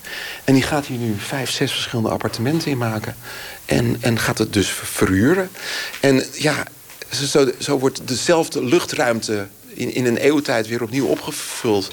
En dat is, ja, het is, het is de tijd, je kan het niet tegengaan. Maar ik, ik ben er natuurlijk wel weemoedig onder, omdat... Um, ik heb dus uh, 15 jaar lang, belde je op de deur. Dan woonden dus in hele armoedige kamertjes... woonden dus uh, ja, woonden daar Russen die, die dat vaak in de Sovjet-tijd hebben gekregen. En, het, en dat is dus het krankzinnige dat mijn buurman, daar ik staan... als je achter deze deur gaat, het ziet er niet uit. Als je achter deze deur gaat en dan ga je open, dan betreed je een paleis. Met marmeren pilaren, met, met, met, met antieke meubels. En ik heb je verteld, wij hebben maar één raampje, maar hij heeft, hij heeft acht ramen. Zo gigantisch groot is het. Nou ja, goed. En hier woon ik dan. Even bellen. Het boek Tchaikovsky-straat 40 probeert de revolutie van 1917 te spiegelen aan de omwenteling van eind jaren 80... toen de Sovjet-Unie in elkaar zakte en het rijk van Poetin nu. Net als een eeuw geleden gaapt er een bijna onoverbrugbare kloof tussen arm en rijk. De oude stadspaleizen waar Petersburg vol van staat... komen deels weer in handen van oligarchen... die de oorspronkelijke bewoners de deur wijzen. Om duidelijk te maken hoe rijk de Petersburgse adel ruim een eeuw geleden was... neemt Pieter Waterdrinker me mee naar het stadspaleis van de familie Yusupov. Een adellijke familie verwant aan het tsaar waar Rasputin op 30 december 1916 was uitgenodigd om de oogverblindende gastvrouw te bezoeken en taartjes te eten. Het paleis is inderdaad nog indrukwekkend, met talloze kamers, een theater, een Turks badhuis en een muziekzaal. Waarin, om de ambiance te onderstrepen, drie mannen zich naast elkaar op een podium posteren en beginnen te zingen.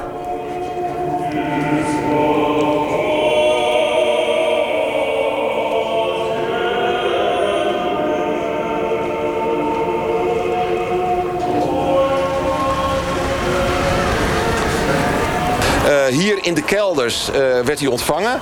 Hij kreeg eerst taartjes met arsenicum enzovoort... maar het had geen enkel effect op hem. Hij was echt van zo'n constitutie een duivelse constitutie.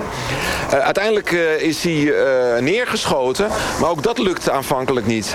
Eh, hij is naar buiten gerend en is uiteindelijk hier in de sneeuw op de binnenplaats is hij werkelijk neergeschoten. Eh, later is zijn eh, lijk gevonden. Het was gedumpt onder het ijs, maar in zijn longen is water gevonden. Wat bewijs is eh, dat, dat hij nog leefde toen hij onder het water gedaan. Dus hij was van een bijna niet dood te krijgen.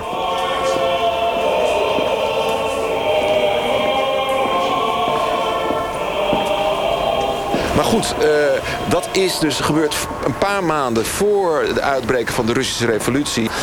Het begin van de val van de Romanov, zou je kunnen zeggen, gebeurde hier in dit paleisje met de moord op Rasputin. Nou ja, hij was toen dood en dat, dat kan je natuurlijk symbolisch zien. Maar tegelijkertijd was Rasputin ook de symbolisering van het decadente, het corrupte Rusland dat ten onder ging.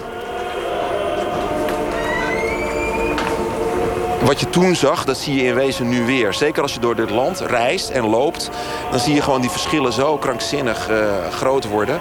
Eh, ja, nou ja, dat is dan weer het eeuwige wat te doen stodjellet. De parallellen, eh, niet alleen in, in Rusland... maar ook in de wereld in het algemeen zijn enorm ja, overeenkomstig die periode, vind ik.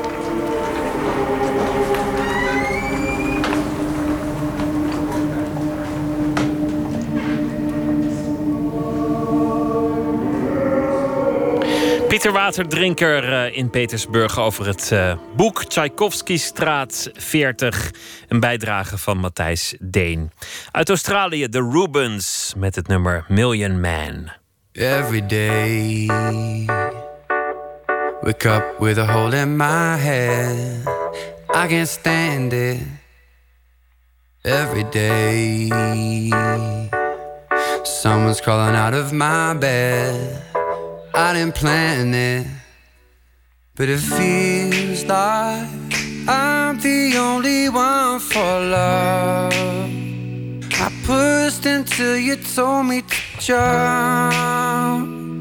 You don't have the words to talk how to feel. I'm a million man.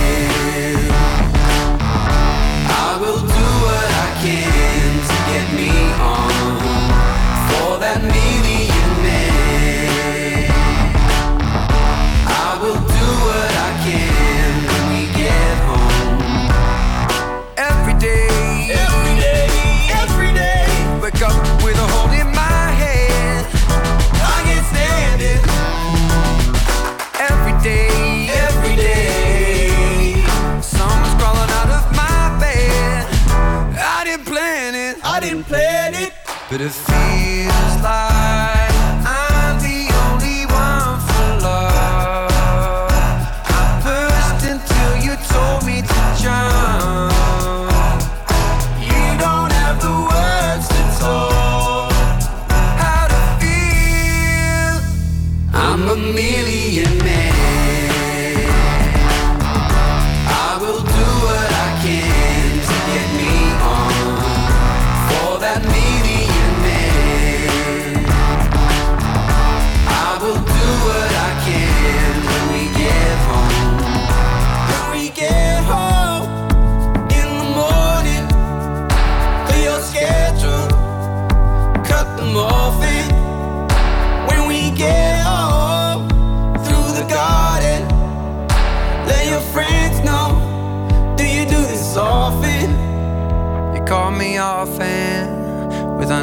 question. No, I can't stand it. I can't stand it. I can't stand it. I can't stand it. I can't stand it. I can't stand it. I can't stand it. I can't do this again. I'm a million man.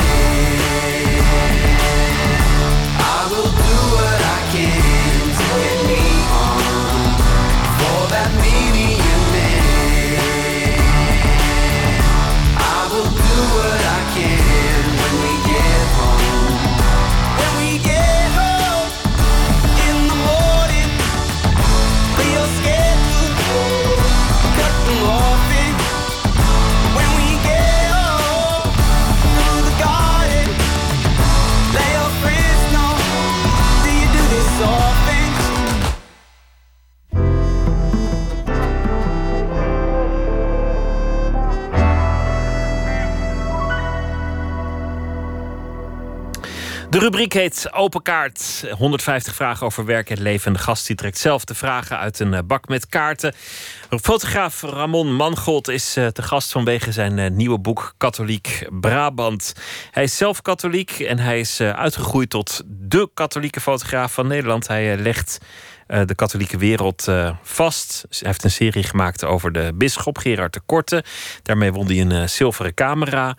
Hij maakt ook reportages over bedevaarten, over Rome, over Wereldjongerendagen. Allerhande katholieke onderwerpen. Hartelijk welkom, Ramon. Dankjewel. Ja, gelukkig maar dat, je, dat het het katholieke geloof is. En dat is een stuk beeldender, denk ik, dan menig andere religie.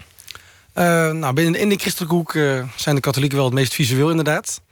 Eh, terwijl volgens mij andere wereldreligies ook wel visueel kunnen zijn. Het hindoeïsme zou ook, ook mooie plaatjes opleveren. Ja, of, of de, de bedevaarten naar Mekka, dat zijn natuurlijk ook prachtige...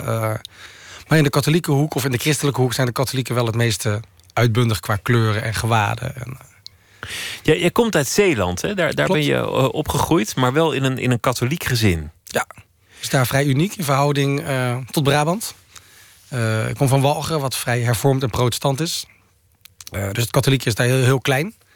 En juist in Brabant, waar ik toen ging studeren aan de opleiding voor fotografie...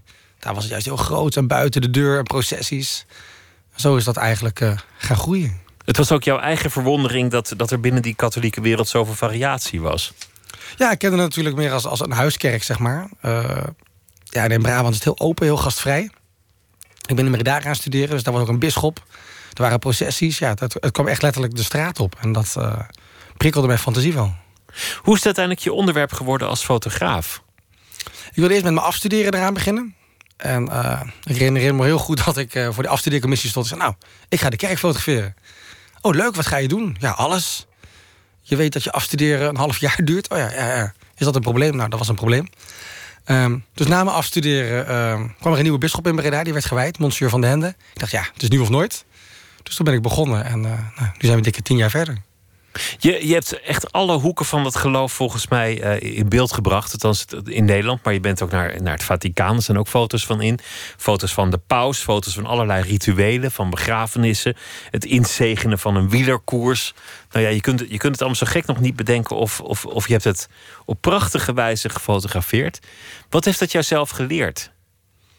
Ehm, nou, het heeft me vooral geleerd dat er nog veel meer is dan, dan, ik zelf dacht. En, eh, ik denk, als ik het niet weet, dan weten heel veel mensen dat eigenlijk niet. En dat was ook een beetje mijn doel met het boek op een gegeven moment... om te laten zien, ja, er is zoveel moois. Elk dorp heeft zijn eigen, eigen traditie weer binnen de traditie. En eh, heel veel mensen hebben altijd een mening over de dat het heel klein en krimpend is. Eh, dat is hij ook, maar juist wat er overblijft is nog steeds heel mooi. En eh, dat heb ik in beeld willen brengen. Het ziet er niet klein en krimpend en marginaal uit in dit boek. Nee, als, je, Integendeel. de- als je de juiste plek weet te vinden, dan, dan is het nog heel levend. Het is alleen heel erg verspreid. Eh, dit is dan nog alleen maar Brabant plus Brabanders op reis. Dus ik ben benieuwd wat de komende tijd gaat brengen. Want ik wil juist nu eh, nou, zonder grenzen gaan fotograferen eigenlijk... en kijken wat ik dan tegenkom. Maar nog steeds het katholicisme als thema houden. Ja, dat eh, blijft erin. Zouden deze foto's ook gemaakt kunnen zijn door iemand die niet zelf katholiek is?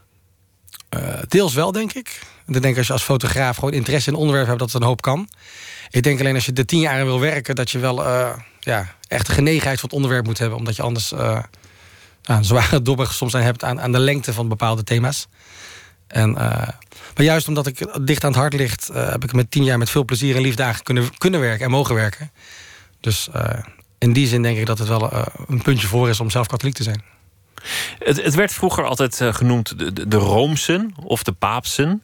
En, en, en dat Roomse, dat, dat zie je zo mooi in het boek. Het is af en toe net alsof, alsof je Italië in Brabant ziet. Of, eh, of, ja, we hebben natuurlijk Oude Rome. Bos. Eh, Ja, Oude Bos Oude staat Bos. natuurlijk de kopie, kopie van Sint-Pieter. Ook wel de Rome van het Noorden genoemd. Ja, als je goed zoekt, is het er ook gewoon.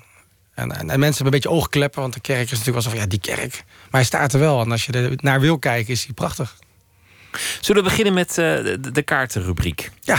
Ik wil je vragen om, eh, om er vast een te trekken. Is ook niet de voorste doen, want die kan ik lezen.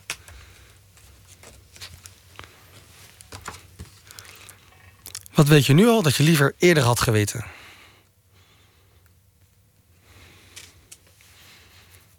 Even denken. Ja, als ik het bij het boek hou dat ik beter moest sorteren in het begin. Ik heb heel fanatiek eh, gefotografeerd, tien jaar lang. En na tien jaar lag er zo'n dikke stapel foto's... dat het een hele worsteling was om het weer terug te brengen naar een behapbaar boek. Om, om het van, van duizenden foto's terug te brengen naar. Ja, er staat dit nou ruim boek. 350 in. Maar ik had in die tien jaar misschien wel 10.000 foto's gemaakt. En ik dacht altijd van nou, als het zover is, dan zoek ik ze uit. Dat heb ik ook moeten doen. Dus ik heb wel geleerd om dat voortaan eh, dichter, dichter na het maken te maken. eh, of uit te zoeken. Meteen selecteren. Meteen selecteren en eh apart mapje maken. Laten we nog een vraag doen.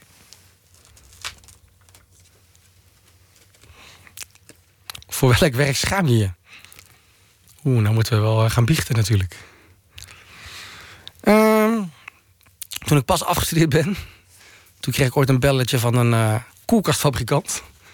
En die zei, ja, kan je onze koelkasten fotograferen? En ik zeg, ja, koelkasten, maar ik ben documentairemaker. Ja, maar je maakt zulke mooie foto's. Ik zeg, ja, maar koelkasten, wat moet ik daar? Nou, doe maar wat je wilt.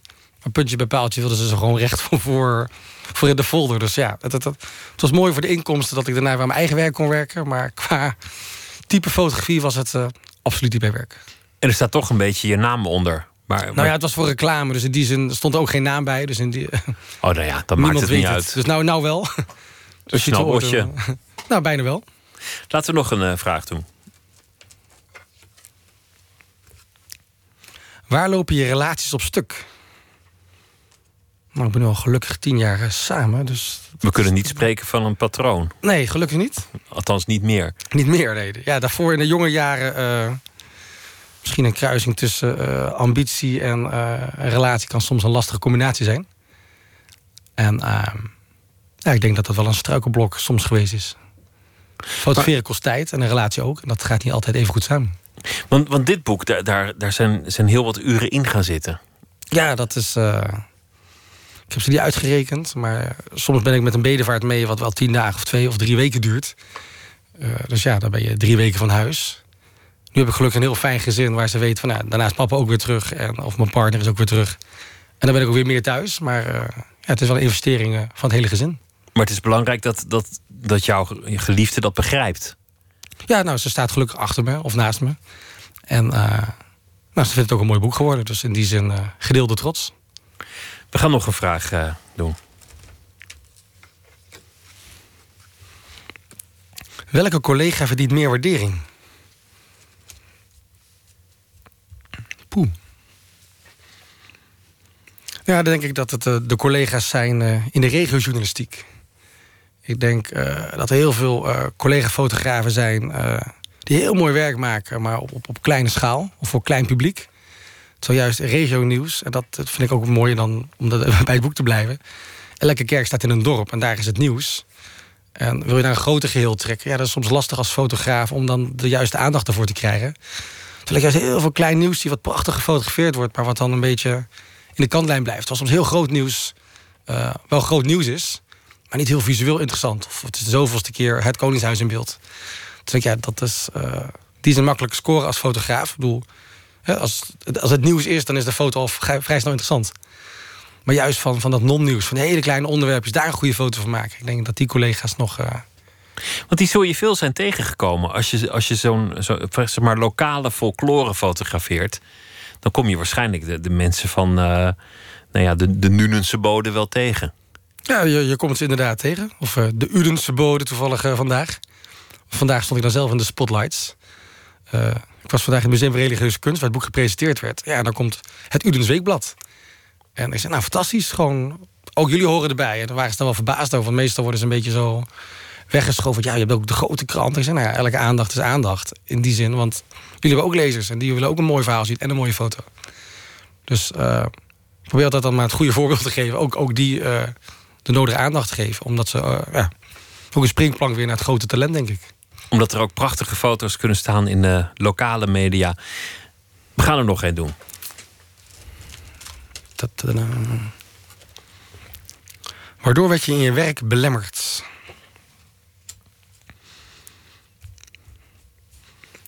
Ehm, nou ja, weinig belemmering gehad. Ik weet wel, in het begin is een belemmering toch eh, de, de, de, de balans te vinden tussen inkomen en, en, en tijdsinvestering. En eh, gelukkig is het vrij snel tij gekeerd eh, dat ik ook met dit project gewoon mijn geld kon verdienen. Dus in die zin weinig belemmering. Even afkloppen. Nou, mooi. We gaan er nog één doen. Zal ik een rode vraag doen voor de variatie? Welke rol had je als kind in het gezin? Ja. Gelukkig die van kind. Was het een groot gezin? Eh, we waren met z'n vieren. Mijn vader, mijn moeder, mijn broer en ik. Oh ja, nou, dat is, Dus, eh, eh, omdat het een eh, vooroordeel over katholieke gezinnen is dat er dan meteen ook heel veel kinderen moeten zijn, maar dat, dat is bij jullie niet zo. Ehm, ja, wat is veel, maar het waren er geen zeven in ieder geval. Nee. Dus ehm, nee, ja, ik heb een prima jeugd gehad, heel fijn. En ehm, inderdaad, de rol als kind met, met, met verven uitgevoerd. Eh, ik denk dat ook nog als, als, als beeldende kunstenaar het kind in jezelf wakker mag blijven, juist om eh, je creativiteit of, of je onbevangenheid eh, soms te kunnen laten zien. En ik denk als je soms als een kind kan kijken, ook als fotograaf, en die verwondering kan hebben voor wat je ziet, dat het je werk te goede komt. Dus het kind in mezelf laat ik af en toe nog wel borrelen. We gaan nog één vraag doen.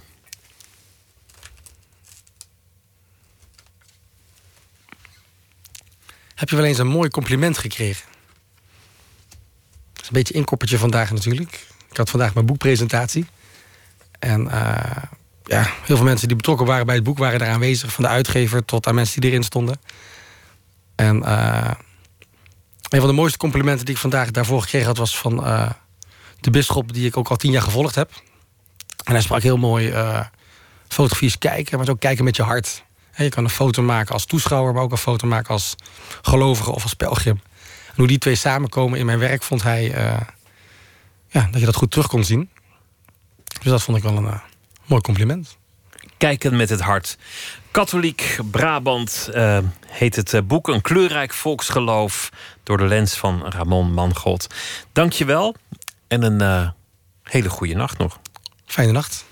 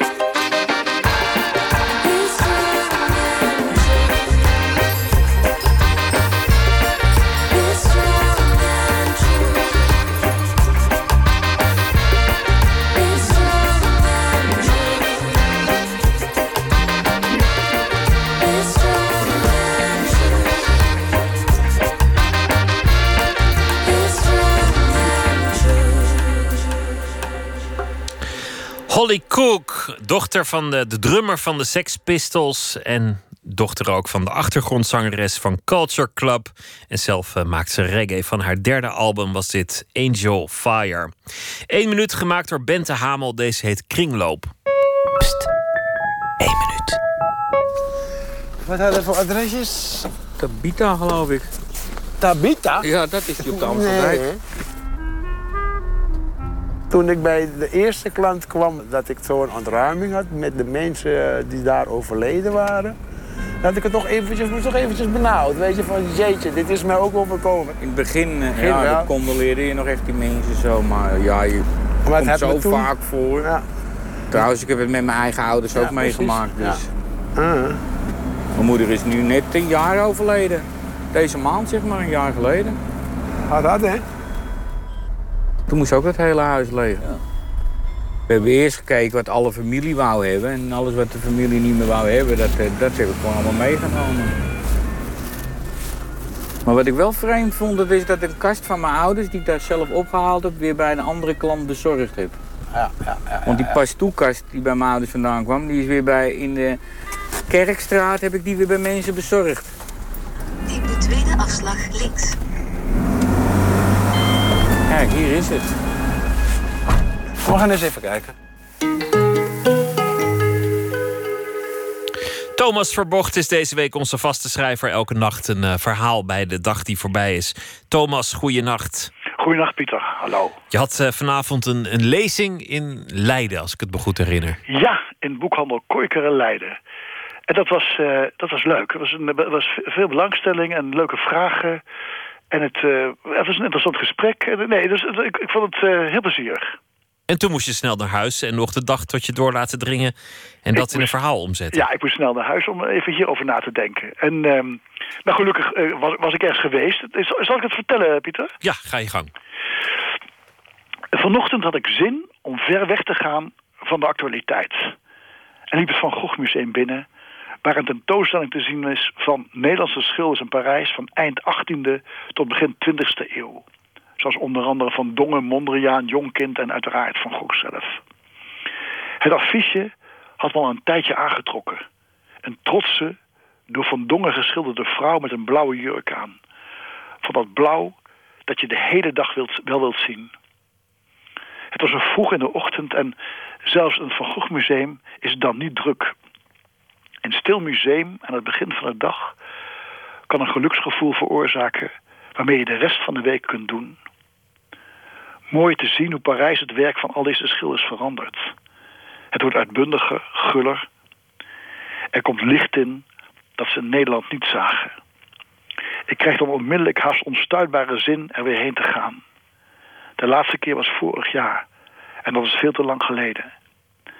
En toen ik naar huis liep, dacht ik aan mijn ouders. Die in het voorjaar van 1962 voor het eerst Parijs bezochten. Vijf dagen. Het was nogal wat toen. Mijn vader was pas klaar met zijn studie rechten. Waar hij lang over gedaan had, om, omdat hij er ook bij moest werken. Want hij had een gezin, mijn moeder, mijn twee zusjes en ik. En ze waren toen verre van welvarend, wat ze, meen ik, niets uitmaakte. Ik geloof dat ze samen nog nooit naar het buitenland waren geweest. De jaren 50 waren nog maar net voorbij. Ze gingen met vrienden. Ik werd het jaar tien en zat in de vierde klas van een lagere school. Het was een uitbundige lente die dagen. En terwijl ik op school uit het raam keek, wat ik meestal deed als ik daar was, dacht ik aan mijn ouders die door Parijs liepen. De stad waarvan ik een vage maar spannende voorstelling had. En toen ze thuis kwamen, vond ik hen anders. Vrolijker. Weg van de jaren waarin je gewoon moest doen omdat dat al gek genoeg was. Ja, lichter vond ik ze. Lichter. De nieuwe tijd had ze omhelst. Met de Beatles, met Kennedy. Met een toekomst waarin alles tintelde. In Parijs hadden ze diep adem gehaald. En omhoog en om zich heen gekeken naar het licht. Over de stad Parijs en eh, je ouders en de schilders die daardoor door beïnvloed waren. Het is inderdaad een prachtige tentoonstelling. Ik, ik eh, ik ben er ook naar binnen gelopen. Ja. Vorig weekend. Het is echt heel erg mooi. Hè? En, en wat ik ook zo leuk vind om te zien hoe eh, Parijs in, die, in, de, in de 19e eeuw veranderde. Hè? Van, van een stad met allerlei smalle straatjes, met, met, met een stad met boulevards. Alsof, het, alsof de stad veel meer open werd voor de hemel daarboven, voor het licht. Waarom de stad er zo vaak geprezen wordt. Ja, het is echt een hele mooie, te- een fijne tentoonstelling. Ja. Ja, en Montmartre nog helemaal vol met molens en akkertjes. En, en, eh, ja, paarden. Ja, het is echt, ja, het was toch een soort, een soort ruraal gebied, hè? Dat is geweldig. ja, ik kon er helemaal in zwelgen en me er volledig in, eh, in verliezen. Ja. In die, in die schilderijen. Thomas, dankjewel. Goeienacht. Goeienacht En, en tot morgen, Pieter. eh, tot morgen. Bye bye. The Murder Ballad, een eh, beproefd genre. Dit keer eh, komt het vanuit eh, Canada. De groep heet Deep Dark Woods. En dit nummer heet Drifting on a Summer's Night.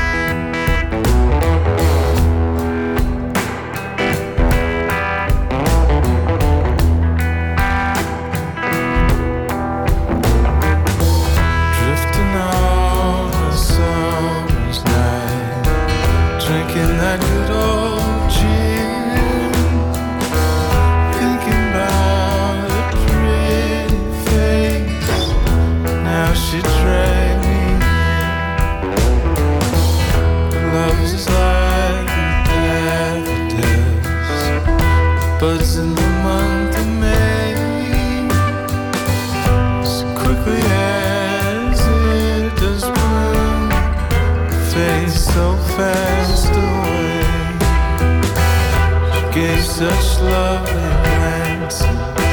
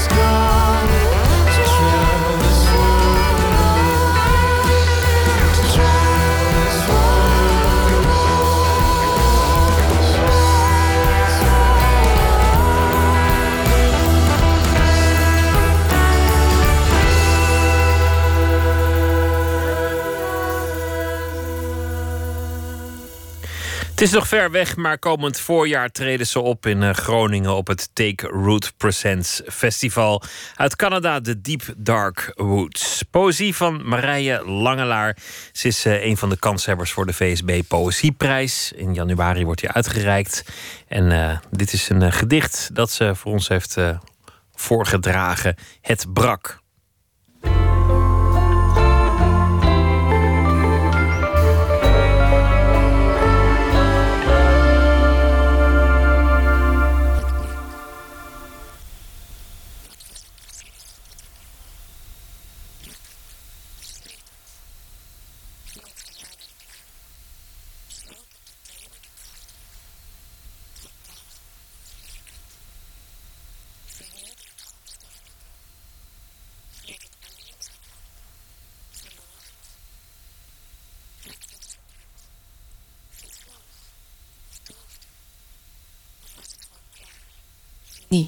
Uit op het. Was het te maken? Weer aan te vullen? Groeit het vanzelf vanuit de wortel weer aan? Of met bepaalde methodes, procedures? Hoe krijgen we het weer vol? levend, warm en zacht zoals het was. Moeten we vruchteloos blijven proberen? Is dat het? Is het te vervangen misschien? Groeien veren weer aan? Is er lijm, gouddraad? Veert het weer terug? Wordt dat wat scheef weer recht echt? Dit gedicht komt uit Vonkt. Dat is eigenlijk mijn laatste bundel. En die bundel is opgedeeld in drie afdelingen. En dit is de eerste afdeling en die heet Een afgrond omsingelen. En deze afdeling gaat eigenlijk over afscheid nemen, een beslissing maken, iets afbreken. Het brak. Wat was het precies dat er brak? Brak het of sleet het? Ging het geleidelijk aan? Sloop op de tenen de kracht weg? Trok kauwgom ongelijk het? Verweerde het grondstoffelijke? Gleed het eilings uit handen? Verloor het? Raakte het zoek het? Vervloog of doofde? Of was het gewoon klaar? Fini? Uit? Op het? Was het te maken? Weer aan te vullen? Groeit het vanzelf vanuit de wortel weer aan? Of met bepaalde methodes, procedures? Hoe krijgen we het weer vol, levend, warm en zacht zoals het was? Moeten we vruchteloos blijven proberen? Is dat het? Is het te vervangen misschien? Groeien veren weer aan? Is er lijm, gouddraad? Veert het weer terug? Wordt dat wat scheef weer recht echt?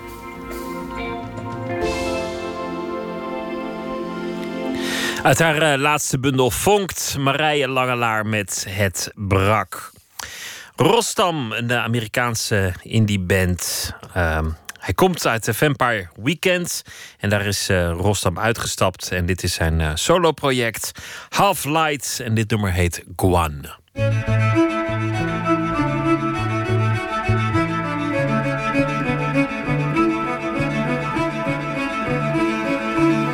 Don't listen to me, I only believe myself. So I'm going somewhere to do that alone. And then I see it, the light falls to room, and all of it don't seem so hard.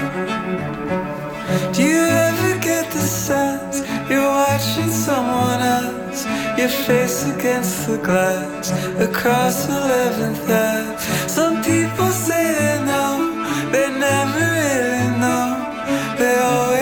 something that never comes to them. But all of these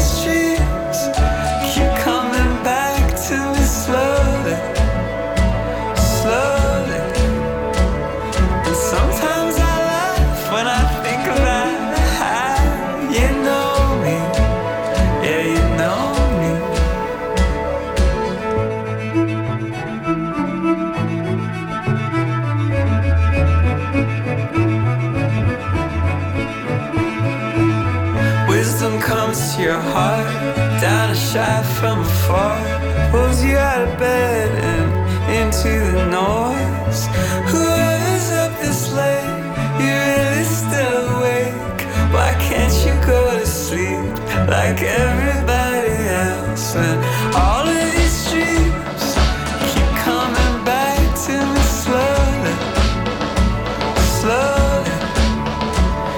And sometimes I laugh when I think about how well you know me. Yeah, you know me. But all of these dreams keep coming back to me slowly,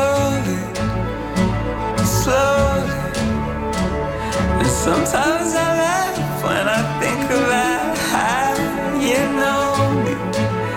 Yeah, you know me. But all of these dreams keep coming back to me slowly, slowly.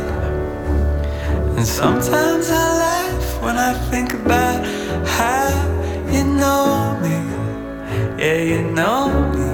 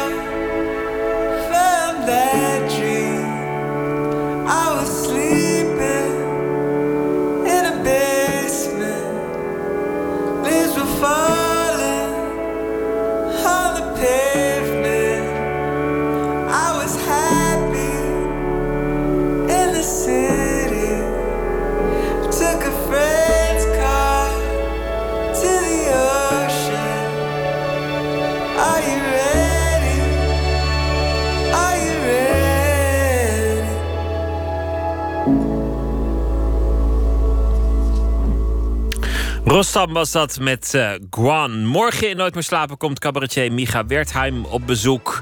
Hij eh, heeft een voorstelling gemaakt in 2016, Ergens Anders.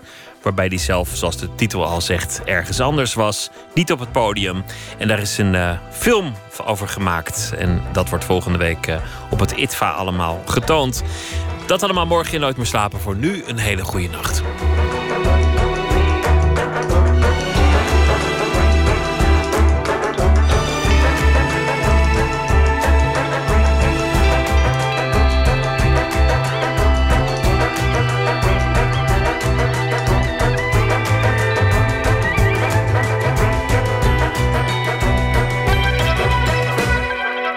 Radio 1, het nieuws van alle kanten.